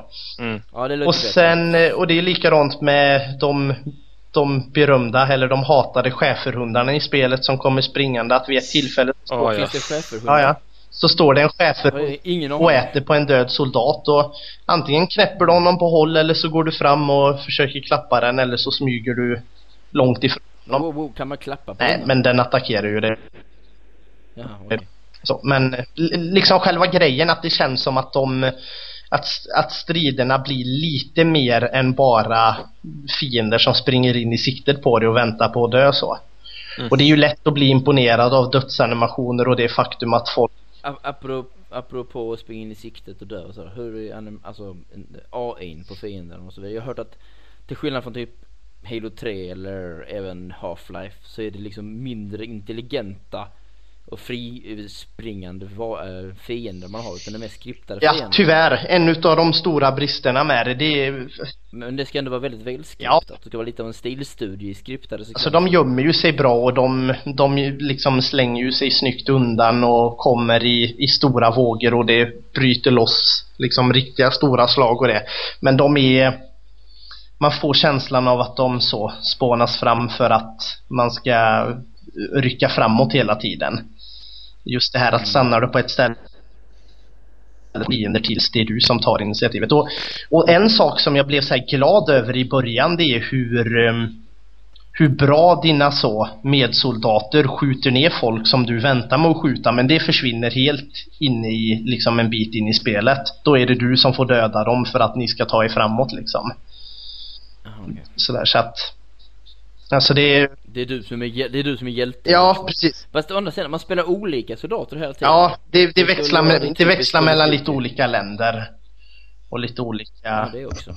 Lite olika folk. Storyn, storyn är lite rörig, väldigt klyschig och så presenteras den genom grafiska sekvenser som jag inte är så förtjust i. Det är mycket sådär liksom datagrafik som susar och menyer och sådär och allting zoomas in här och här är vi och sådär. Och det, det känner jag väl att där, Denna militärfilm. ja, där, där hade de gärna fått göra en så, Call of Duty 1, 2 eller 3, att man var ett litet soldatförband som liksom knyter lite så, lite Band of Brothers i liksom, och göra det lite personligt. För eh, liksom, jag bryr mig inte så mycket om storyn eller någonting. Och det är lite synd. Men det, fin, det finns en hel del i alla fall så här halsbrytande Ja, alltså, sekvenser precis. och äh, tillfällen i spelet som gör så att liksom jag, jag är ingen FPS-fan jag har inte spelat, jag spelar inte så mycket FPS, jag spelade Halo bara för att det var Halo 3 liksom. Så jag måste spela det såklart. Men jag är sugen på Call of Duty just på grund av single player-spelet för det verkar vara väldigt intensivt och bjuda på väldigt många uh, unika, Ja, ja. eventuellt bara väldigt häftiga upplevelser. Absolut. Och, och det roliga är ju att de här häftiga upplevelserna sker ofta, eller de sker alltid. De sker inte i mellansekvenserna utan de sker i spelet. I början, i mitten, i slutet av en bana liksom. Som en del utav Händer aldrig någonting spännande i mitten? Eller är, är det spännande i mitten bara en stor anstormning med fiender? Nej, det händer lite, lite sådana grejer liksom. Alltså så här lite tillfällen när... Alltså ett hus som rasar in eller Jo, någonting jo, liknande? lite sådana, det gör det. Bara vad som, vad som helst så får liksom Mm, hjärtat jo, absolut. pumpa igång. Och ibland är det en eh, ren grafikdemonstration och ibland som i, i en bana där man jog, eh, joggar, jagar en bad guy upp på ett hustak liksom. Där är det en sån en ren sån känslogrej liksom. En upplevelse rent spelmässigt. Har du upplevt något liknande själv tidigare? Som Call of Duty 4. Ja, vad, beroende på vad olika sekvenser som det spelet har att erbjuda. Nej, jag tycker att det Tycker du att det känns, tycker att det känns unikt? Ja, fast inte fullt så. eh, De hade kunnat få ta i ytterligare en volymknapp. De hade kunnat Okej. fått, eh, de hade kunnat få leka lite med det här filmiska och det som de vill göra ytterligare lite. Tagit i lite mer liksom. Kan det vara så att vi redan har sett detta i, i filmer? Ja, absolut. Okej. Och de, de kör ju lite det det som är problemet. de kör ju lite aktuellt där liksom. Det är terrorister och det är Mellanöstern och det är ryssar och det är självmords bombare och det är ja, liksom allt sådär. Ryska självmordsbombare? Nej men mellan, ja men liksom sådär och det är alltså att man går in på en tv-station och börjar kriga där säger ju lite om liksom att de just det här med att avrättningar och sånt sänds live på tv liksom och sådana saker. My, mysigt. Um, ja. Single player-spelet är det som är intressant för mig och det är det som gör så att jag vill uppleva spelet i alla fall. Men det finns en multiplayer-aspekt också. Och, har du grävt dig ner i den? Jajamensan, den har jag spelat dubbelt så lång tid som single player-läget, minst. Eh, det är ju ett stort skäl till att ni... Hur långt är single player-läget? Ja, alltså eh, det är lite, skruvar man upp svårighetsgraden så blir inte spelet kanske svårare, mer taktiskt utan svårare på vissa platser. Men eh, säg en sju timmar kanske. Något sånt. Det är inte... Men det, jag, jag gillar det, det är lite bite mm. size. Mm. Ja, liksom men det är lite så. Alltså jag delade upp det på något då kan, jag, då kan jag känna liksom att jag, jag har klarat det. Det är rätt lagom för ett actionspel överhuvudtaget. Och sen då ska tilläggas att när man har klarat spelet så låser man ju upp spelet som en eh, arkadskjutare. Att du ska spela en bana och döda så många som möjligt och få poäng innan du dör. Med topp, en mm. topplista. Oh, jag, jag måste göra en jämförelse till. Nu har vi eh, Halo och så har vi Call of Duty 4 och så är de cirka lika lång eh, speltid på mm. sig för det var 8 timmar, 8, 8, 9 timmar på Halo 3 också tror jag. Vad föredrar du? Vilken av de här spelen gav dig den häftigaste upplevelsen när du spelade egentligen? Jag föredrar Call of Duty 4, definitivt. Men att spela, spela Halo 3 Co-op med någon över live är ju en upplevelse som jag saknar i, i Call of Duty 4 mm. också. Mm. Men gre grejen är ju att i Halo så är det mycket, alltså, alltså AI'n som sköter grejen. Liksom du får en väldigt annorlunda upplevelse genom olika möten och mm. sånt här. Men det verkar som Call of Duty ger dig mera eh, haktappande sekvenser och liksom skriptade tillfällen och sånt. Någonting som Halo i mellansekvenser och i mitt under spel är nästan helt tomt på, tycker jag. Ja, alltså och, och så kommer det till den där liksom kanske lite vad man föredrar. Jag föredrar soldater i, så, i sådana här krig framför Halos miljöer och design så. Men, men att spela Halo i eh, live över en kompis med headset och allting det, det är ju tveklöst underhållande liksom. Men eh, online... Men tillbaks till Ja, online-biten där är ju lite förändrad då. Eh, som man dels kan läsa i recension. De har ju börjat med erfarenhetspoäng. Du låser upp saker när du kommer upp i klasser. Du, du har sådana här perks då där du sätter i kollegor. Eh, och en sån kan vara allt ifrån att du kan springa lite längre. Du kan ju hålla ner den analoga knappen så ruschar din soldat lite. Eh, allt ifrån att du kan ruscha lite längre till att du tål lite mer skada till att du har en förmåga som helt enkelt är att när du dör händer det någonting. Du droppar en granat automatiskt eller du får ligga och skjuta med pistolen och fega lite. Och det som är bra är att det inte är så att en som har level eller så rank 45 har massa bättre grejer än en som har rank 5. Så det är inte det, det är bara det att du har mer att välja mellan i de olika. Mm. Och sedan så är ju många multiplayer-kartor fantastiskt väldesignade. Många är väldigt tveksamma men många är riktigt roliga och eh, så online är det en, en av de anledningarna att det åkte upp på en nia för mig. Så att eh, ja.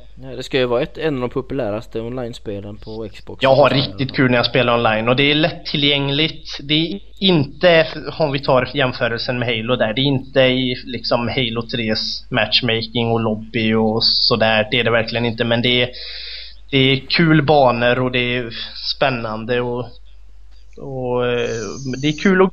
Hur fungerar, hur fungerar alltså, ja, level och perk-systemet? Alltså in, inte hur, jag vill inte höra hur det fungerar utan vad, hur tycker du det fungerar liksom funktionsmässigt? Det, det funkar blir, är det rättvist och bra eller blir det typ obalanserat? Nej, eller vad, vad det funkar riktigt bra. Det ger en lite, det ger en liten sån kick att man får en liksom lite experience point när du dödar den eller när du gör någonting. Håller liksom ett headquarter eller gör någonting så.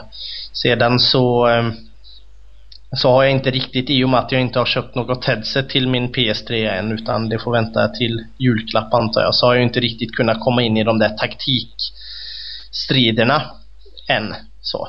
Jag eh, körde några matcher med våran forna redaktionsmedlem Lenny och det var kul. Mm. Det var riktigt roligt. Då kändes det som att man förstod varandra lite. Att man kunde liksom, även om vi inte pratade så kunde man... Ja, det var nog lika bra för ni hade inte förstått varandra ändå Nej, men... Han är ju uppe från Örnsköldsvik. Ör- Örnsköldsvik. Men eh, det, det är just då kändes det som att man kunde lägga upp lite sådär att man täckte varandra och gick nära varandra och sådär liksom. Och körde.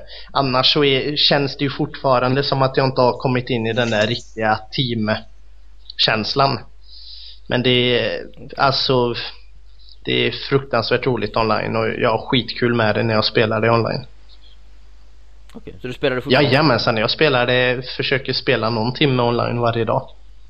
Ja, Okej, och därmed så blir betyget... En nia, en åtta på singleplay-läget och som med online då som förlänger speltiden så, så är det en nia.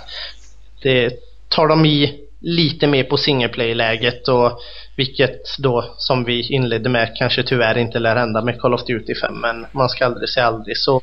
Men i, eh, i Call of Duty 6, eller Mm, 7, precis. vad, vad, hade, vad hade ni velat se för miljö? Jag hade velat se Eller vilken tidsperiod eller vad som Jag hade velat se en utveckling utav Call of Duty 4 med, ehm, med lite längre banor och banor som, som kändes som att det hade lite smartare AI och som var inpaketerat i en liten bättre story och Vad sägs om att du paketerar in det i typ eh, World of Conflict miljö eller något sånt där, när det känns bekant? Typ New York eller något liknande? ja, En alternativ, det är lite som, vad hette det det? Resistance? Mm. Ja. Men det var ju London Precis. liksom. Eller nej det var inte London. Det var Birmingham. Nej men just det här att göra lite alternativa krig, det behöver ju inte vara liksom slag som har skett på riktigt utan de kan ju liksom göra Nej, alternativa det det, det, storylines. det, det, var, det var det som eh, World of Conflict Precis. gjorde så bra. De gjorde ett, alltså ett nutida krig men i en alternativ tidslinje utan att det kändes löjligt. Det var det som gjorde, var det som, för det har jag gärna sett som du säger, Call of Duty 4, realistiskt krig om man säger så, liksom vapen som finns och så vidare. Men eh, hitta på någon vansinnig storyline som gör så att vi kan få slåss i New Mm. York. Eller alltså det är liksom coolt om man ser Frihetsgudinnan i bakgrunden sprängd eller något liknande. Eller, Du har ju, eh, Pari, Paris-tornet, vad heter det? Eiffeltornet. du har ju ett annat spel som kommer, eh, nu kommer jag inte på, typ Fall of Liberty eller något sånt, jag minns inte exakt vad det heter, som typ är en alternativ variant av andra världskriget där eh, nazisterna invaderar USA. Jag tror det är New York som det utspelar sig. Det ser ju, alltså, Okej. även om eh, det kanske inte spelmässigt blir jättefantastiskt så är ju settingen otroligt häftig när det kommer liksom en massa zeppeliner och flyger in bland skyskraporna. Så det ser riktigt fräckt ut. Men det var ju lite vad typ, eh, vad World of Conflict Mm. man kan ju även göra Men det var med, med, med, Men, eh, med, men i ett. FPS. Ja, jo, jo, det är ett FPS ja. Man kan ju även göra så att det helt enkelt utspelar sig som du säger att man får se New York, man får se Paris och man får till och med se bergslandskap, djungellandskap, snölandskap och sådana grejer. Men hålla kvar den här Call of Duty 4-känslan för det finns sådana tillfällen då i Call of Duty 4 då man då man liksom går fram och så spränger en, en elledning liksom så den rasar för att strömmen ska försvinna ett larm så. Det är just det där när det ja som du säger när det blir lite mer verkligt att det är som liksom så här, oj här står vi framför ett elkraftverk och här sätter vi en detonator så att strömmen ska försvinna på det här elstället. Det är ju det, man kan ju relatera till Mm. det. De kanske skulle kunna göra det som eh, alltså, någon statskupp-aktig story just med att man är liksom en liten kommandogrupp som går in i, Nu har jag inte kört fyran. Är det inte en statskupp i fyran? Den börjar väl med att det är i princip en statskupp och att man blir avsatt som Okej. president eller någonting. In, I Call of Duty 4? Eller? Nej, den, den börjar ju med ett, ehm, ett, eh, ett mord på en, en person liksom. Den, den, den börjar ju som att man är en helt ny soldat som går ombord på det här skeppet och sedan är det en person som blir avrättad på direktsänd TV. Och att det är därför liksom är, är inte det typ presidenten eller någon högt uppsatt? Jo, precis alltså det är, oh, Det, har- det är ingen spoiler va? det händer i början av Ja, och det, och det ska ju tilläggas också att det hände ju under en förtext-sekvens liksom. okej. Sådär. Mm, precis. Lite, lite, lite som såhär Riddick. Texterna rullar samtidigt som det är interaktivt. Ja, du kan styra kameran så. Men just den, just den banan som är där, den hade jag gärna sett som en eh, spelbar bana. För den är riktigt fräck för textbanan om man säger så. Man, Nej, släng, men, man slängs, alltså, man slängs det- i en bil ju- åker omkring. Nej, jag ska bara säga, det finns ju många alltså, roligare scenarion de kan göra än att bara liksom, ta att äh, men det är krig och det är soldater. Liksom, de, de kan ju göra grilla-grejer och det finns ju så mycket mer än andra världskriget. Det Så finns mycket Det är, att göra. är jätte, jättetråkigt Absolut. att de ska tillbaka dit. Ja. Absolut. Men vi eh, kommer att stanna kvar i eh, arabländerna i alla fall. i stora, storslagna städer. Oh, yeah. Ja, som inte är sönderbombade. Nej, det är de inte. Där det går att klättra på hustaken. Det går att klättra på hustaken, precis. Fredrik, ska du berätta lite om Assassin's Mm, det kan jag Creed? göra. För Du var ju ändå delrecensent på Ja. det spelet. Eh, Assassin's Creed är eh, Ubisoft eh, Montreals senaste och fräschaste franchise. Och många av personerna har tidigare varit involverade i, i Prince of Persia-spelen och det, det känns lite som Det första. ja, första Sense of Time, men där är även folk som har jobbat vidare eh, med scenen överhuvudtaget. Men han som är så att säga creative director var även han som skapade Sense of Time. Eh, Och det känns lite som en utveckling av det. Du har liksom det orientaliska eh, temat och sen så har du framförallt klättringen som man vill ändå få säga är det bästa med spelet. Eh, och spelet har ju sett väldigt, väldigt bra ut sedan de visade upp det första gången. Men nu när det väl har kommit ut så, så känner väl de flesta att det saknas liksom saker på, på många områden.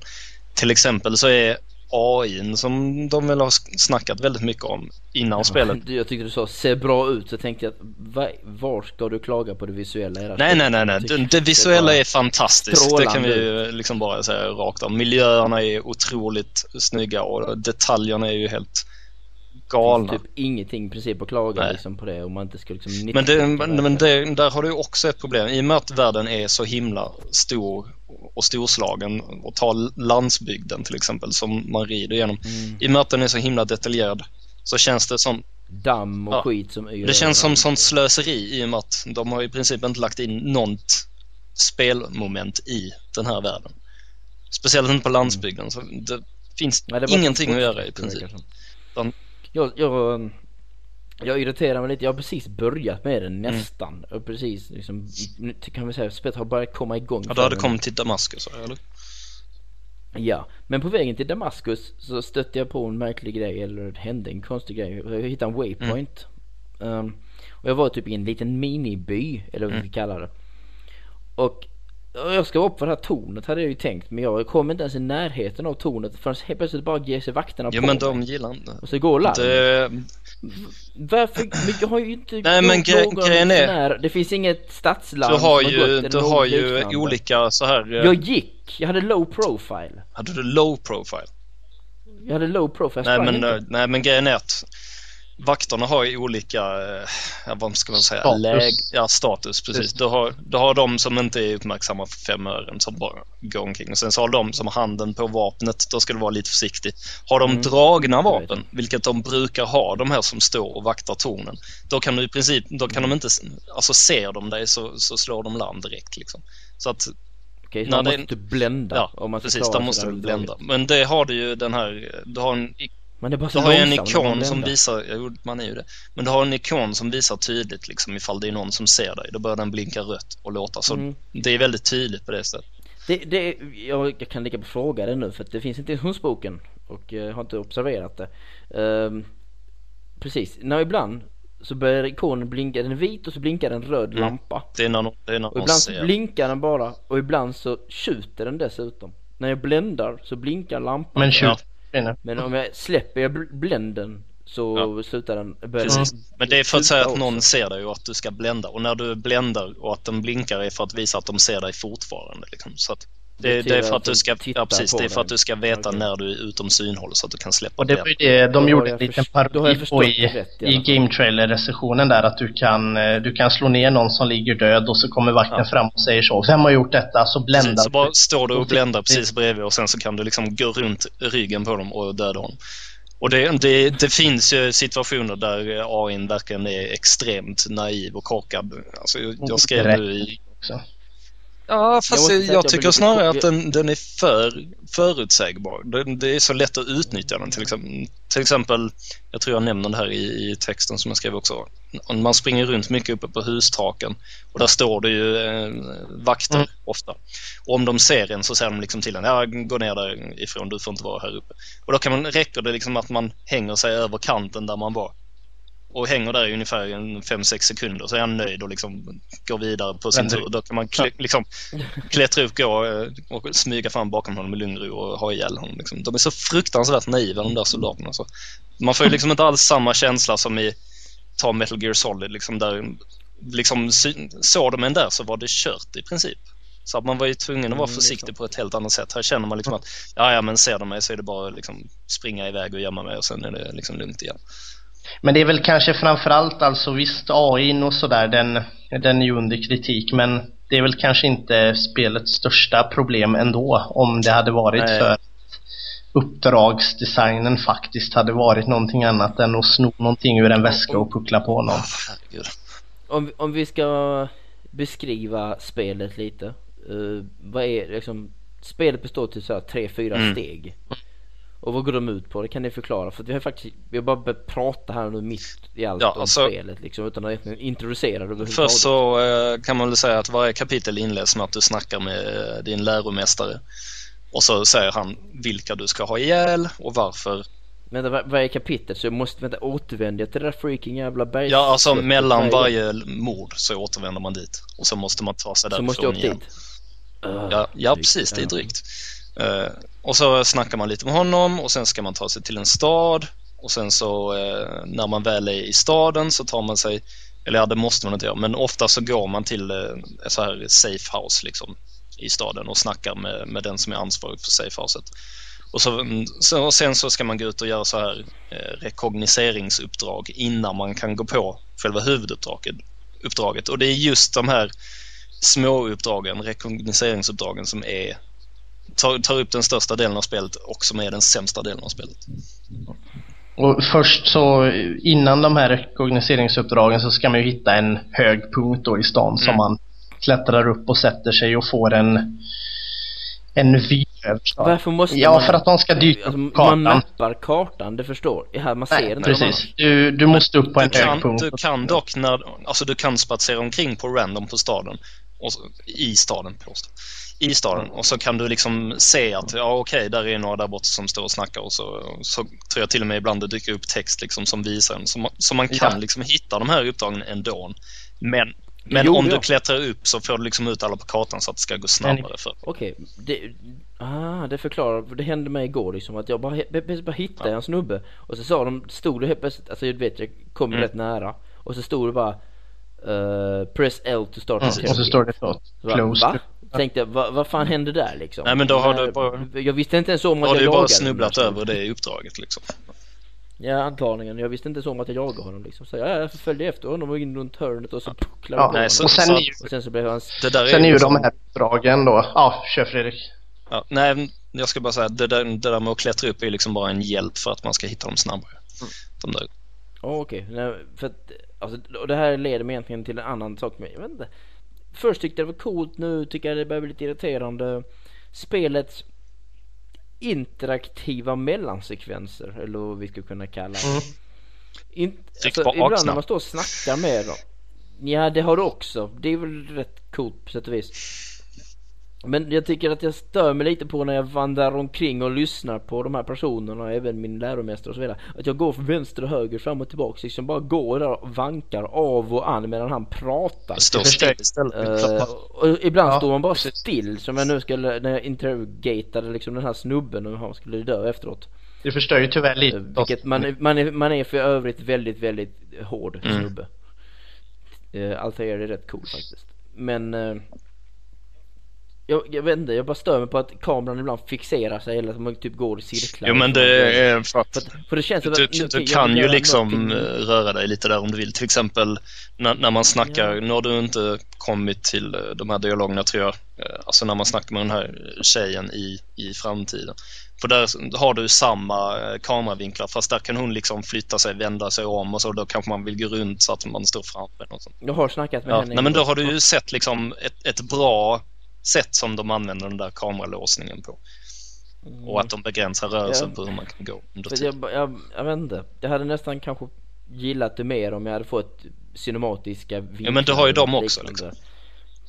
Jo jag vet men Så det är liksom ibland när jag tittar på en snubbe De fixerar kameran, tittar på en snubbe Måste lyssna på vad han säger i en minut eller något liknande Då är det lite sådär mm, Kom igen Jag dödar dig i förtid om du inte håller käft snart liksom Jag bara känner som att spelet låser mig Hade det varit en mellansekvens Men det är ju eh, mellansekvenser. i Det är ju det som är grejen. Det är mellans... Ja, men, men det ser fortfarande ut som jag är inne i spelet för att kameran har liksom inte ändrat sig så pass mycket, den har bara gått över axeln på mig typ. Jag, jag vet inte, jag, jag får någon jävla disconnect. Även fast det egentligen är motsatsen de borde, som de var ute efter i det, i det fallet. För du är fortfarande kvar i spelet utan att du, utan att någon, alltså en kameraman eller något liknande tar över. Mm. Men jag vet inte. Jag, jag fann det irriterande till slut för det kändes jobbigt. Och... Jo, men Grejen är väl att det, det, de här låsta vinklarna också som du säger där Fredrik att de är ehm, de är ett, eh, när man pratar med tjejen men de är ju dessutom en form av mellansekvens när personen man ska mörda sen presenteras. Ja, fast Där. där har du den här andra typen där, där du trycker på A i, berämda, i bestämda sekvenser. Och så, Jo, och så precis. Där. de Men du kan ändå gå omkring i den här fasta kameravinkeln precis. också. Så, Det är ehm, ganska stämningsfullt ändå tycker jag. Mm. Men alltså, man gör ju inte det där så mycket utan man smyger omkring lite tills man är nöjd liksom, med var man står. Sen står man ju still där i princip. Mm. Åtminstone jag. Jag tycker det störde lite och, och vandra runt för mycket. Men det är liksom upp till en själv hur mycket man vill gå där. Men när man då har gjort, alltså förhört folk, pickpock, eh, vad heter det, ficktjuvat folk Och slå. och fått information tillräckligt så ska man slå Ja. till. Ja, du presenterar dina bevis för den här lokala byrån då, Safehouset. Eh, som då säger att nu, eh, nu har du gjort det du behöver, nu kan du gå och mörda honom. Och det är just den här biten som, om vad jag förstod av din åsikt där också Fredrik, som vi, vi har problem med. Att eh, det, det finns så mycket man hade kunnat göra. Smyg, smyga på hustak och lyssna, följa efter någon. Det ska väl dock tilläggas att vissa saker blir lite mer lite bättre framåt slutet så men eh, Mm. men just det här att man ska slå ner någon för information och sno någonting ur eh, fickan för att kunna göra lönnmordet. Ja, nej precis. Det, det är ju liksom... det är bara så helt, Det är helt verkligen otroligt att det följer samma Det är ju verkligen det. Det är ju samma sak om och om igen. Och, och de sämsta Vilken, vilken slump att man ska behöva göra samma Eller sak liksom varje De- gång. de sämsta grejerna-.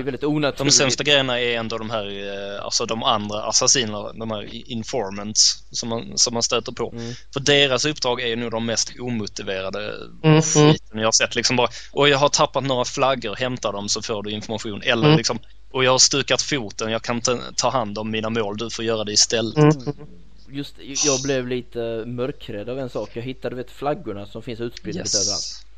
Och sen så tog jag en flagga och sen stod det ett av Mm. hundra. Så jag tänkte okej, men jag tog tre stycken tidigare. Är det hundra per Yes. stad? Nej. Eller Ja, alltså det finns ju olika typer av flaggor. Ja fast Alltså- det, vad är det, det är 100 på landsbygden och sen är det 100 i varje stad och sen i, Ja, precis. i Acre det har de finns ju sådana delat upp. Arthur-flaggor och det finns... Ja, för, för jag, jag bara liksom plockade, det var sån här äh, vita Ja. flaggor. Mm. Sådana som sparar och som blir sådär Ja. speciella. Nej men det finns ju olika på de Mm. olika områdena. Nej för det bara var liksom, jag fick fler och fler flaggor och sen helt plötsligt när jag tror jag Anton kom till Damaskus och tog en flagga så Yes. yes. en. Tänkte, va? Vad är nu detta? Nej men alltså, Det, det, är, väl, det är väldigt mycket Det flaggor. och det är det verkligen. Men alltså Assassin's Creed det är, det är ett sånt där spel där man känner att man att man har en sån där helt enorm fantastisk stor stad där man kan vandra omkring i. Men det finns verkligen ingenting att göra i den. Det ska ju tilläggas också då att man kan rädda lite civila som står och blir lite trakasserade utav vakter i staden. Mm. Och då kan man ge sig på vakterna och ut en fight och så får man en hjälp. Men den här hjälpen hade jag då trott var en del utav det du behövde göra för att få bevis för att lönnmörda. Men det är så här, Nej, det är väl bara till för att hjälpa dig om du råkar alerta. Ja, och då springer man ändå aldrig ner på marken så de är totalt meningslösa. Jag tror Nej, jag har liksom fått hjälpa ja. dem en gång eller något i den stilen. Oj då. Och det är alltså... Hur, hur ofta ser ni prästerna? Jag tycker att jag hittar dem allt för ofta förutom när jag gick in ja, men de är ju också en sån här, eh, alltså... Hjälp det, det finns, Ja, det, precis. Det finns två typer av invånare som du kan hjälpa. Du kan hjälpa liksom utsatta kvinnor eller så kan du hjälpa utsatta präster. Och det är sam, mm. inte samma sak som okay. kommer om och om igen. Och, då, och de, har, jo, men de är präster alltid. Oh, och okay. dessutom så har de samma soundbites. Det finns liksom två eller tre mm, soundbites. Som de kör om och om, om igen mycket... med olika dialekter. Jag får väldigt mycket Spiderman 2-vibbar. När jag, när jag, och nu har jag bara varit på Damaskus hustak och områden liksom i en 20 minuter, 25 mm. minuter max. Mm.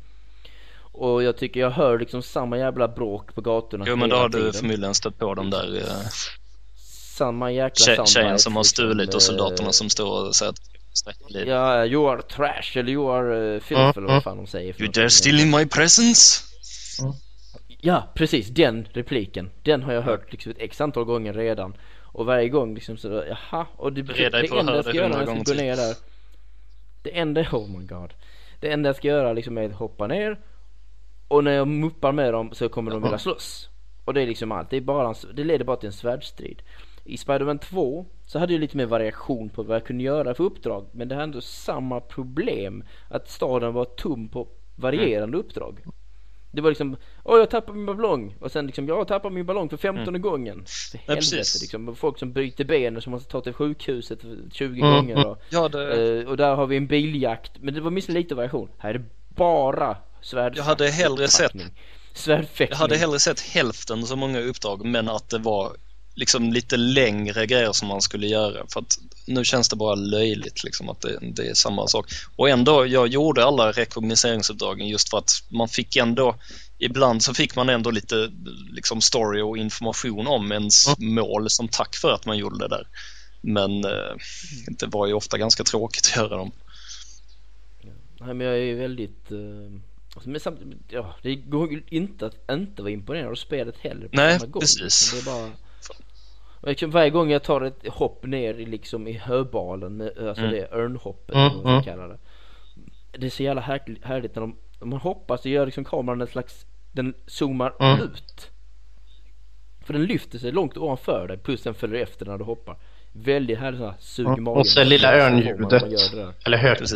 Ja dessutom. Ja, det men, det, men det är lite det jag menar alltså att där i det här örnhoppet där så visar de lite sådana där saker där de hade kunnat göra att man ska, man ska springa, man ska fly. Att de, de hade kunnat bygga mer uppdrag och moment utav att eh, jag tror det är Per Willner som skriver i sin levelrecension att han skriver att, att fantasin sätter bara gränserna. Man kanske skulle följa efter någon på hustaken och hoppa. De åker i vagn genom staden och så ska du springa Precis. över hustak och hoppa och tjuvlyssna på dem eller något sånt.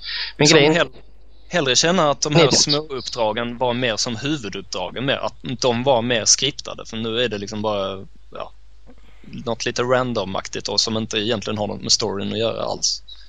För det är ju egentligen bara grafiken och storyn som, som driver en vidare och får se hur spelet är. För till och med själva höjdpunkten, det här lönnmordet på de här viktiga personerna, till och med det är jäkligt avskalat. Ja, så själva mordet har, har, ni lyckats, har ni lyckats lönnmörda någon i hemlighet eller har det bara lett Alltså grejen är att de är i princip alltid omringade av soldater så att de ser en ju alltid efteråt. Men Däremot så försöker man ju planera så att de inte ser en innan man kommer fram. Det finns en achievement eh, som går ut på att inte bli upptäckt och liksom döda alla med full sån här DNA-bar. Mm, mm. Uh, och där ligger ju lite charmen med huvuduppdragen tycker jag. Och, och an, en anledning också att göra alla de här rekognoseringsuppdragen just att man får tips om liksom, du får kartor med var alla vakterna är utplacerade och möjliga vägar att ta sig fram så man får lite Mm. alternativ liksom på att hitta den bästa vägen fram. Okej. Det är ju det som Så gör dem har liksom Har Ubisoft Montreal gjort ett bra arbete eller vill vi se två? Jag säger att det, det är en väldigt, väldigt bra grund men det, det är ju inte ett färdigt spel. De har släppt alldeles för tidigt. Oh my god, ja och så har de haft under utveckling Ja. hur länge som helst. Men sen, sen undrar man om idéerna verkligen finns där. För att de säger Ja, själva det att de liksom inte hade fler idéer att stoppa in. Så att Okej, ja, det det är, är lite väldigt oroväckande. Framförallt om de nu vill bygga ett eh, franchise. Ja, tvåan får ju det. verkligen Det är inte vara gjort på samma sätt. Och det måste komma, det måste komma en har sålt två. väldigt bra redan. Det har ju sålt väldigt, väldigt bra redan. Ja, plus att sättet det slutar det är på är så himla en- upplagt för en tvåa. Alright. Mm. Yes, och ni var faktiskt eniga om Mm. betyget. Det var lite kul att se när jag såg Fredrik Braun, ja. Fredriks text där. Det är ju, man blir lite förvånad med. Eller alltså, det är lite Just roligt att se att den, stod, stod och vägde över mot en åtta eventuellt i och med att jag ändå tycker att klättringen är väldigt, väldigt underhållande. Men eh, jag kunde liksom inte med gott samvete ge den åtta ändå för att det, nej, det håller liksom inte. Men jag tycker ändå att Och med andra ord så gav ni det betyget. Jag kan aldrig skaka av mig känslan av att varje gång jag startade och spelade så, så känner jag aldrig att det är roligt att göra uppdrag och spela det liksom. Mm. Det, Men som ett free roaming spel. Ja, alltså där är det, Jag- där är nu, det har jag bara på, nu har jag bara hållit på i 25 minuter men alltså det kändes ändå bara oh, kul att hoppa kul absolut, absolut. Men det är, det är också anledningen att det står en sjua där ändå. För det är ju ändå ett Ja. Godkänt betyg. Jo, jo, självklart. Det är inget spel egentligen. Det är en Mm, sandlåda liksom. Okej, vi lämnar Assassin's Creed, vi lämnar Altair och vi lämnar allting vad heter arabländer. Och vi ska prata lite om, jag vet inte, var utspelar sig Umbrella Chronicles? Mm.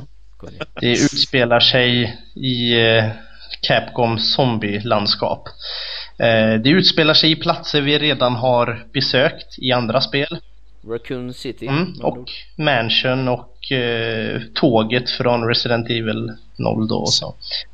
Eh, eller Zero. Och eh, fast i eh, Fast på räls och ur FPS-perspektiv istället. Okej. Ett eh, Alltså ett sånt där spel som eh, Det är lätt, lätt Time, alltså är det som, är det som Time Crisis? Ja, det är Det är lite lättillgängligt. av en, en hommage till uh, ljuspistolspelen. Ja. Och det är till, alltså när man till och med startar spelet så har de ju lagt in istället för den här eh, som vi känner till, den här hur man håller Wii-moten när man spelar. Eller den är med, så är Mm. en till ruta man ska koppla in Wii-zappern för att spela spelet. Mm. Så spelet är ju gjort med. Det, det intressanta var ju att Sappern inte var eh, släppt för uh, Umbrella. Precis. Vilket känns som ett litet misslyckande. Men eh, Ja, de borde släppt det alltså en vecka ja, senare. jag vet inte hur mycket zappern gör för spelet. Jag ska inte säga någonting först. Sappern är väldigt, väldigt plastig och gör inte så jävla mycket tycker jag. Inte för det där Zelda-spelet i alla fall. Nej, alltså. Det är bara plast. Det är Mm. bara plast. Det är absolut Har ingenting ni eh, annat. sett Lego Sappern förresten som dök upp på internet? Jajamensan. Nej. Riktigt fräckt. Den får, den får vi ta och slänga upp en länk på också tycker jag. Men i alla fall så, så börjar det då med Resident Evil Zero, den här eh, tågincidenten som är där. Med eh, Billy och eh, Rebecca är det va som, eh, som är där. Och eh, ja, och så sp- springer man, springer man omkring på tåg tog ur första persons perspektiv med en fladdrande litet sikte och tryck Fan coolt. Man åker alltså, man åker Ja. på räls. På Man räls. åker på räls på räls. Med nunchucken så kan du styra kameran och titta. Med nunchucks. Fan Ja. vad fett. Med nunchucken så kan du styra kameran lite och titta runt dig och Håller du in ena knappen så ändrar du så du kan kasta granat och håller du in andra så byter du vapen. Eh, Hur, hur precision? precisionen funkar bra. Alltså det är, det är kul att skjuta på eh, zombisarna och jag har inga problem med siktet och siktar man duktigt. Det enda man kan känna är väl ibland att det är lite sådär. Alltså de rycker rätt mycket zombisarna. Det är som att de är lite för såhär, förprogrammerade. Du kan skjuta dem på ett ställe och så skjuter de på ett annat ställe och då är det som att den första animationen inte hinner färdigt. Och istället för att göra en mjuk övergång så är det som att det blir något konstigt ryck på det. Och sedan så eh, när vi pratade om Super Mario Galaxy och sa det här att när du sa Alex att du inte kan tänka dig hur det skulle se på PS3 eller så är detta ett väldigt grått spel och då kan man säga att Resident Evil ska vara grått och blodigt och mörkt men det är alltså grafiken är rätt tråkig. Det är inte fult men det är det hade gjort mycket för känslan om det, om det här hade sett skarpt och bra ut liksom.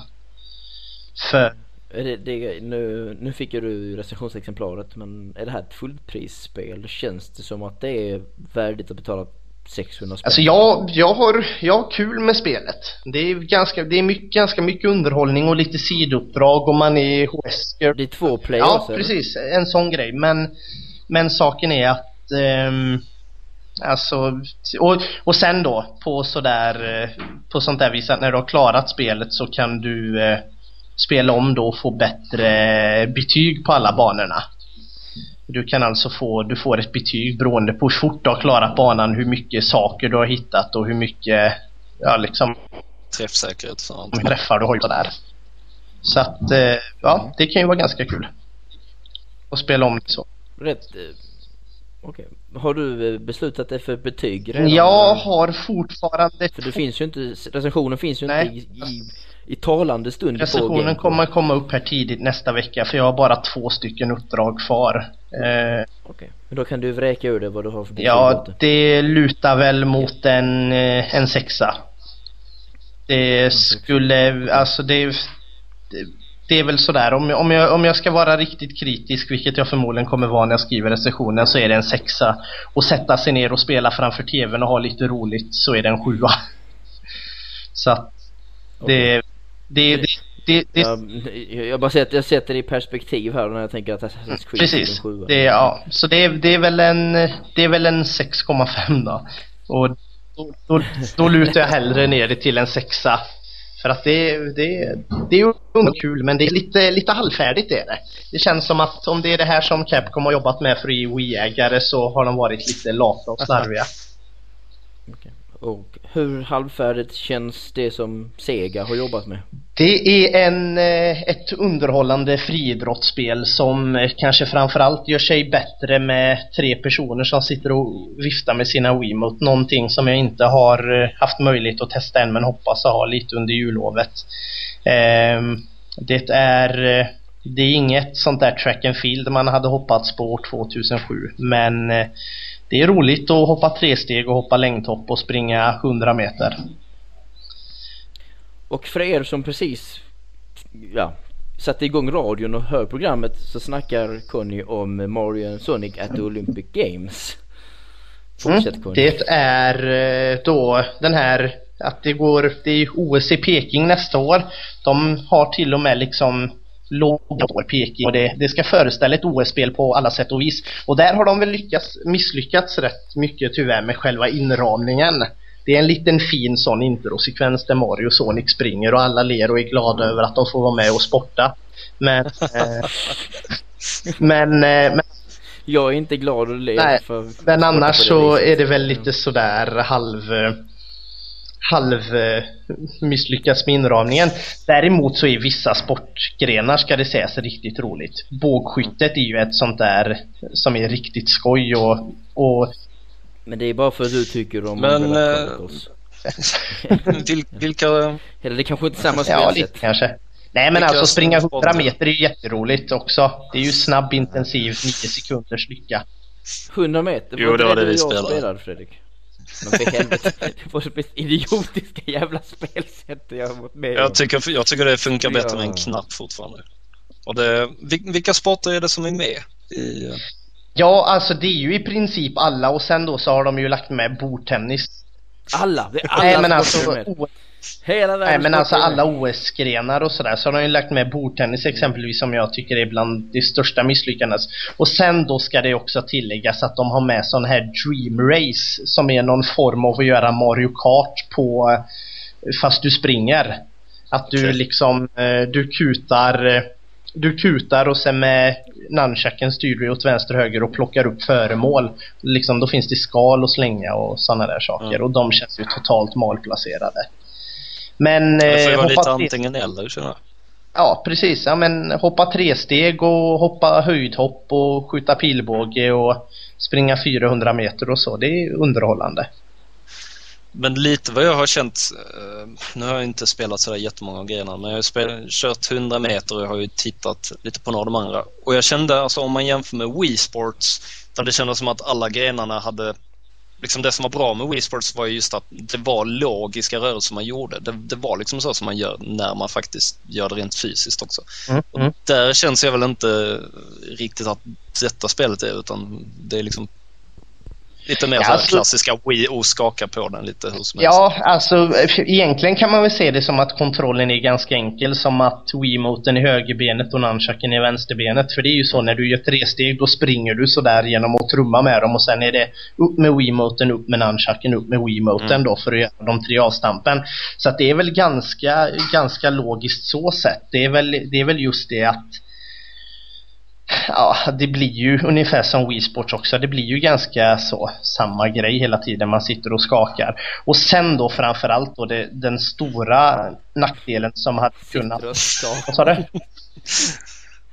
Den stora nackdelen som hade kunnat gjort någonting det är ju att eh, hade man kunnat spela online och möta andra på 100 ja. meter då hade det kunnat bli någonting som faktiskt hade kunnat vara riktigt inte riktigt bra men riktigt underhållande. Att man inte lägger in ett online-läge i ett sånt här spel är ju spelets stora förlust.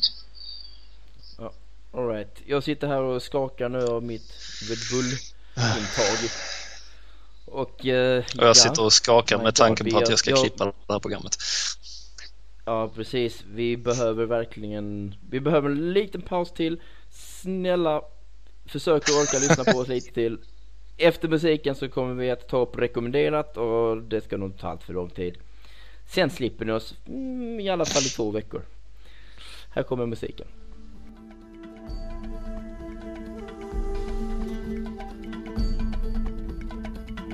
Mm.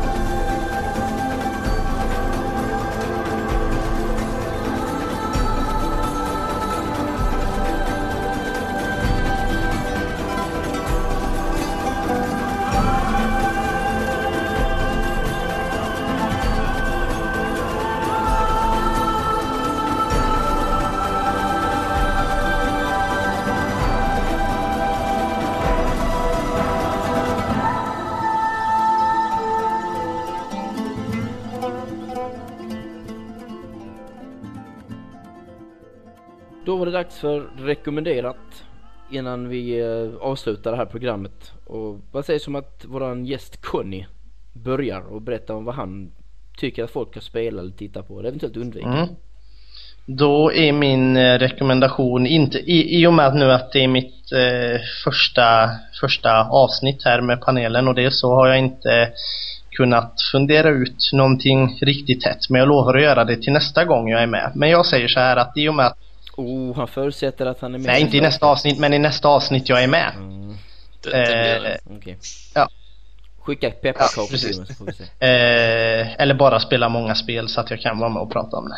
Man kan skicka pepparkakor också. Mm. Ja, nåväl. Eh, med tanke på att vi har pratat om lite eh, krig och miljöer och Resident Evil och det så nu, i, nu när det börjar närma sig vintermörker och sånt så tycker jag att man ska sätta sig och spela Resident Evil Zero då. Så det rekommenderar jag. Eh, det är ett spel som jag tycker är till, ja, till GameCube ska ju tilläggas då, som jag tycker jag blev så otroligt underhållen utav det som en del i Resident Evil-serien. Även om det är klassiskt och, eh, och har en bättre del i Resident Evil 4, en definitivt mycket bättre del. Men så är mitt tips att spela Resident Evil Zero nu i Ja, nu som uppladdning inför om man hade tänkt köpa Umbrella Chronicles och sen när man spelar Resident Evil 5. Så det är mitt lite tråkiga och oinspirerande tips, men det, det får det bli. Okej. Och sen så tycker jag faktiskt att Fredrik, han ska få avsluta med sitt. Så därför ska jag prata istället. Uh, jag vill, jag hittade ett spel på, um, game, på GameStop för någon vecka sedan faktiskt som jag hittade i original Playstation skick. Eller Playstation. Original PlayStation. Mint condition. Ja visst, det var lite märkligt det där. I, jag hittade, alltså originalförpackning Okej. och så vidare liksom, verkligen. Um, Twisted Metal. Ah. Mm. mm. Och det är faktiskt ett spel som jag ändå håller rätt kärt. Och framförallt den första delen för det har jag typ spelat i sönder. Eh, jag vet inte hur många gånger jag har spelat uppe på banan Rooftop mot en polare liksom. Och jag kan nog varje skrymsle och vrå på den nivån utan problem. Och jag vet exakt vad jag ska, alltså jag är ingen, på senare tid har jag verkligen inte varit en sån här hardcore-spelare och, som spelar multiplayer och kan alla skrymslen och vrår och såna här grejer. Men Twisted Metals Rooftop är verkligen ett sådant spel där jag verkligen var fullständigt in, alltså inbiten i banupplägg och liknande. Och man visste exakt, okej okej om man hinner först till skorstenen och ta powermissilerna då, så måste jag tvärnita och snabbt ta mig över det här med de här hustaken så jag istället kan ta homing-missilen och så vidare. Och nu gjorde jag faktiskt tvärtom för att det han gjorde var att han tog homing-missilen och jag tog power-missilen om jag hoppade över taket. Jag sa fel. Men det var just det att jag har spelat det så jävla så mycket och Rooftop var verkligen bästa nivån på det spelet liksom med sitt jätte, den här eh, heter plexiglastak som man kunde spränga i luften och hoppa in i hotellet som var där nere. Väldigt onaturligt egentligen hur byggnaden var uppbyggd på det viset men och sen kunde man Nere i hotellobbyn så hittade man en, en så här, vad kan man kalla det, hotell, bara en gång helt enkelt som slutade i ett fönster. Så bara gasar man för fullt liksom ut genom det fönstret och så landar man på ett hustak eh, 50 meter längre ner och sådana grejer. Men det var så pass hardcore för oss att det var verkligen Man visste exakt vad man skulle göra om någon hur, Om någon var först på en punkt så såg du till att tvärnita och ta det till nästa punkt Nästa nyckelpunkt och så vidare För att få homing-missiler och liknande. Och sen så är ju Twister Metal speciellt på det viset att du eh, Varje bil hade sin unika förmåga. Och där kommer jag ihåg att där bannlyste vi bland annat en bil som heter Spectre. Är det någon som har spelat det spelet förutom mig? För jag hörde Mm. mig själv Jo, det Jo, gjorde jag jag, men ja, dock inte på ett hardcore-vis, men Nej. en Nej, men, spelade eh, gjorde jag, men inte mer än ett, som ett spel i, i inte som ett spel som man ägde kan jag säga. Nej, utan mer precis. som ett spel man testade. Okej. Jag ägde det inte heller. Min polare som ja. ägde det. Men vi spelade det hela tiden. Det är ett av de spel jag verkligen har spelat skitmycket. Um, men Spectre, känner du igen det namnet? Nej, det gör jag inte. Men Nej, Spectre var typ spökbilen. En, en bil med en eh, typ en ande till förare eller något liknande. Och han hade missiler som gick igenom tak och golv och väggar. Eh, Och var halv, halv, halvvärmesökande. Ja, verkligen wallhacks rakt av liksom. Så att jag tyckte också att nej, den här får du fan sluta använda nu. Så han bytte till Ferrarin istället som har någon slags jump beams. Man skjuter på, fe, alltså skjuter på mig i det här fallet. Så hoppar bilen. Det gjorde faktiskt så att man kunde faktiskt tappa balansen fullständigt och hamna utanför liksom och bara falla rakt ner i gatan. Precis, det blir som en liten sekvens som bara faller ner och så bara boom säger det och så har de förmodligen x antal människor dött för att den explosionen som uppstår, om man tänker på höjden på de här byggnaderna och med tanke på hur litet, du vet det är en sån här målad textur på, liksom, på gatan liksom. Och så, så ser det ut som att man liksom, vyn är liksom att jag är uppe i ett flygplan. Och så faller du från en byggnad och så, och så explosionen är gigantisk i förhållande till avståndet. Så det känns som en, typ en mindre liksom, atombomb har smält liksom nere i stan. Men, men eh, det är väl mitt tips eller min rekommenderat eller min lilla kära nostalgiska tillbakablick som de andra brukar bli. Så Twisted Metal. Tvåan Mm. tyckte jag det tyckte jag förstörde. Det, I Twisted Metal införde de någonting som de också hade i Vigilant 8-spelen. Du vet knappkombos för att utföra vissa attacker. Och jag gillade inte det riktigt. För det, det gjorde helt plötsligt så att man kunde liksom attackera nästan Mm. hela tiden med sådana vansinnesvapen. Och dessutom tyckte jag bara knappkombos Mm. ett spel. Det, det, det, det kändes jättemärkligt. Och även om det banor i Twisted Metal 2 var det ball men ettan hade en, en stadsbana, allting i stad men bara så här, bara, bara köra omkring i staden. Och sen hade den rooftop och det är liksom en Så det är Twisted Metal och Rooftop som gäller om man ska testa det. helt rätt. Och jag minns inte ens, my god vad körde jag med för bil? Roadkill hette han. Han sköt en slags treudd som bara tog väldigt mycket skada om den träffade. Så så var det med. En skrotbil som hette Roadkill. Mm. Så var det med det. Yes. Du Fredrik, Jag du? eh, tänkte rekommendera ett av de absolut tidigaste Playstation 2-spelen, nämligen ett spel som heter Shadows of Memories. Och där har du Oh. också kört Alex. Eh, Det, precis, Ja, det var det det vi jag. körde igenom Just på det, jag en tänkte, eh, nej, va? FOG-träff va? för länge, länge sedan. Coolt! Det är Ja, det ett häftigt. väldigt speciellt och, och i allra högsta grad unikt spel. Och Och filmatiserat Ja, det är också. Det, det, det är ju rätt så mycket en interaktiv film. Men, men samtidigt finns det eh, my, mycket spel i det där.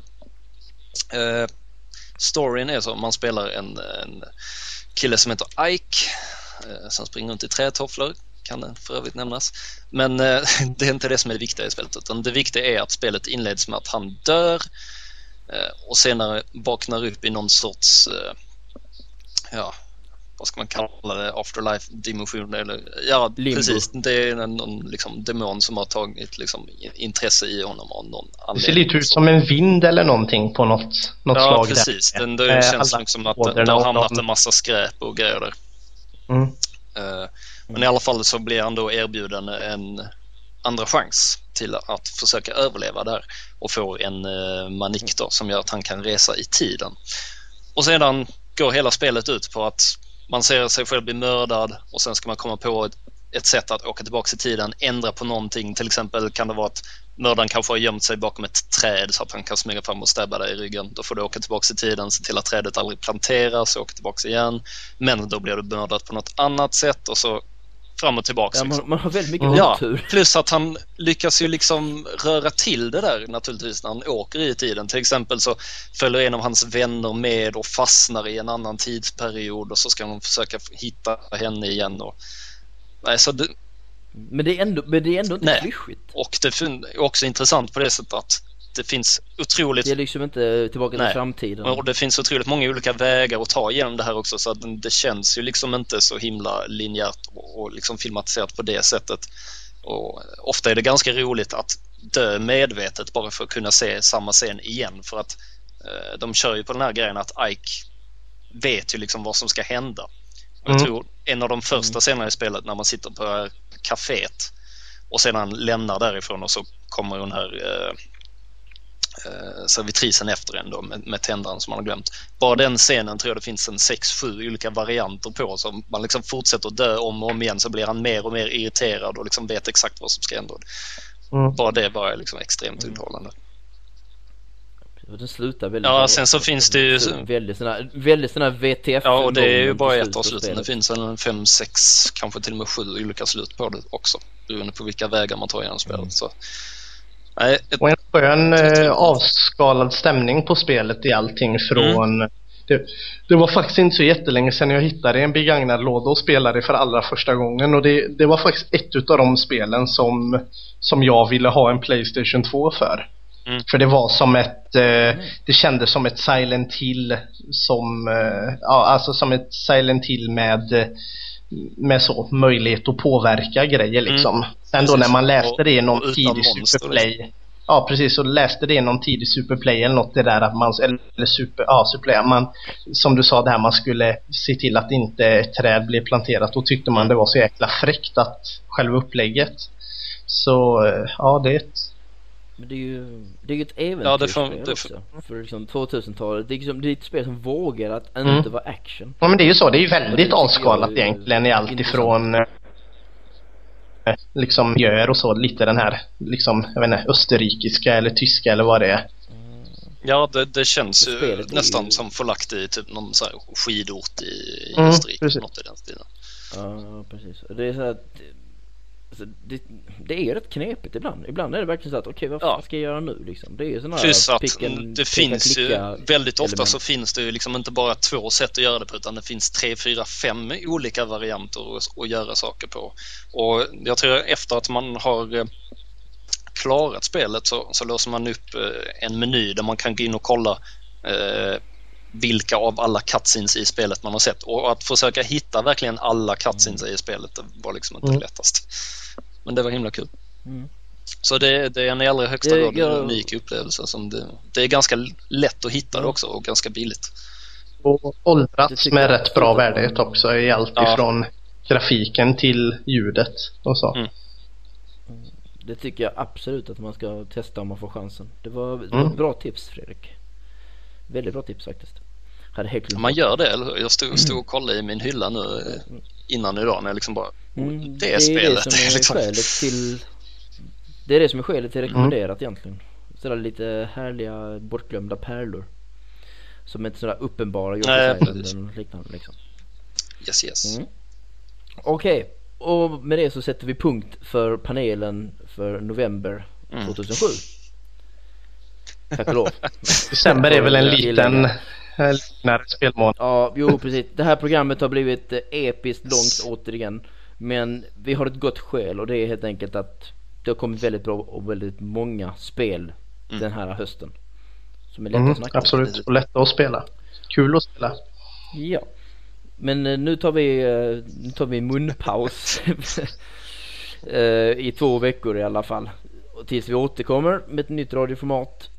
Och eh, då vet jag tusan vad vi kommer snacka om. Jag vet inte, vågar vi prata om Mario Galaxy tror du redan nästa avsnitt? Det blir nog några, ja det bör väl bli julavsnittet nästa tror jag. Mm. Julavsnittet är nog nästa. Så vi får se vad vi hittar på tills dess. Och eh, jag tackar Conny för att han äntligen kunde medverka. Tack. Så att vi har velat ha med honom i panelen rätt länge nu. Men nu kommer Nu var jag. Och, du åter, och nu återvänder ja, ja. Nu... Eh nu, nu, är jag, nu finns jag här. Mm. nu finns det här. Alright. Nej, det, vi avslutar och vi kommer avsluta med uh, ja, musiken ifrån den här som kan man kalla inspirerad av den här mm, DJ strippen eller? Ja, jo det gjorde den ju. Still Alive då ifrån Portal. Yes. Utmärkt. Tack pojkar. Nu ska jag gå och spela Playstation 2. Tack. This was a triumph. making a note here, huge success. It's hard to overstate my satisfaction. Aperture science. We do what we must because we can. For the good of all of us, except the ones who are dead. But there's no sense crying over every mistake. You just keep on trying till you run out of cake. And the science gets done, and you make a neat gun for the people who are still.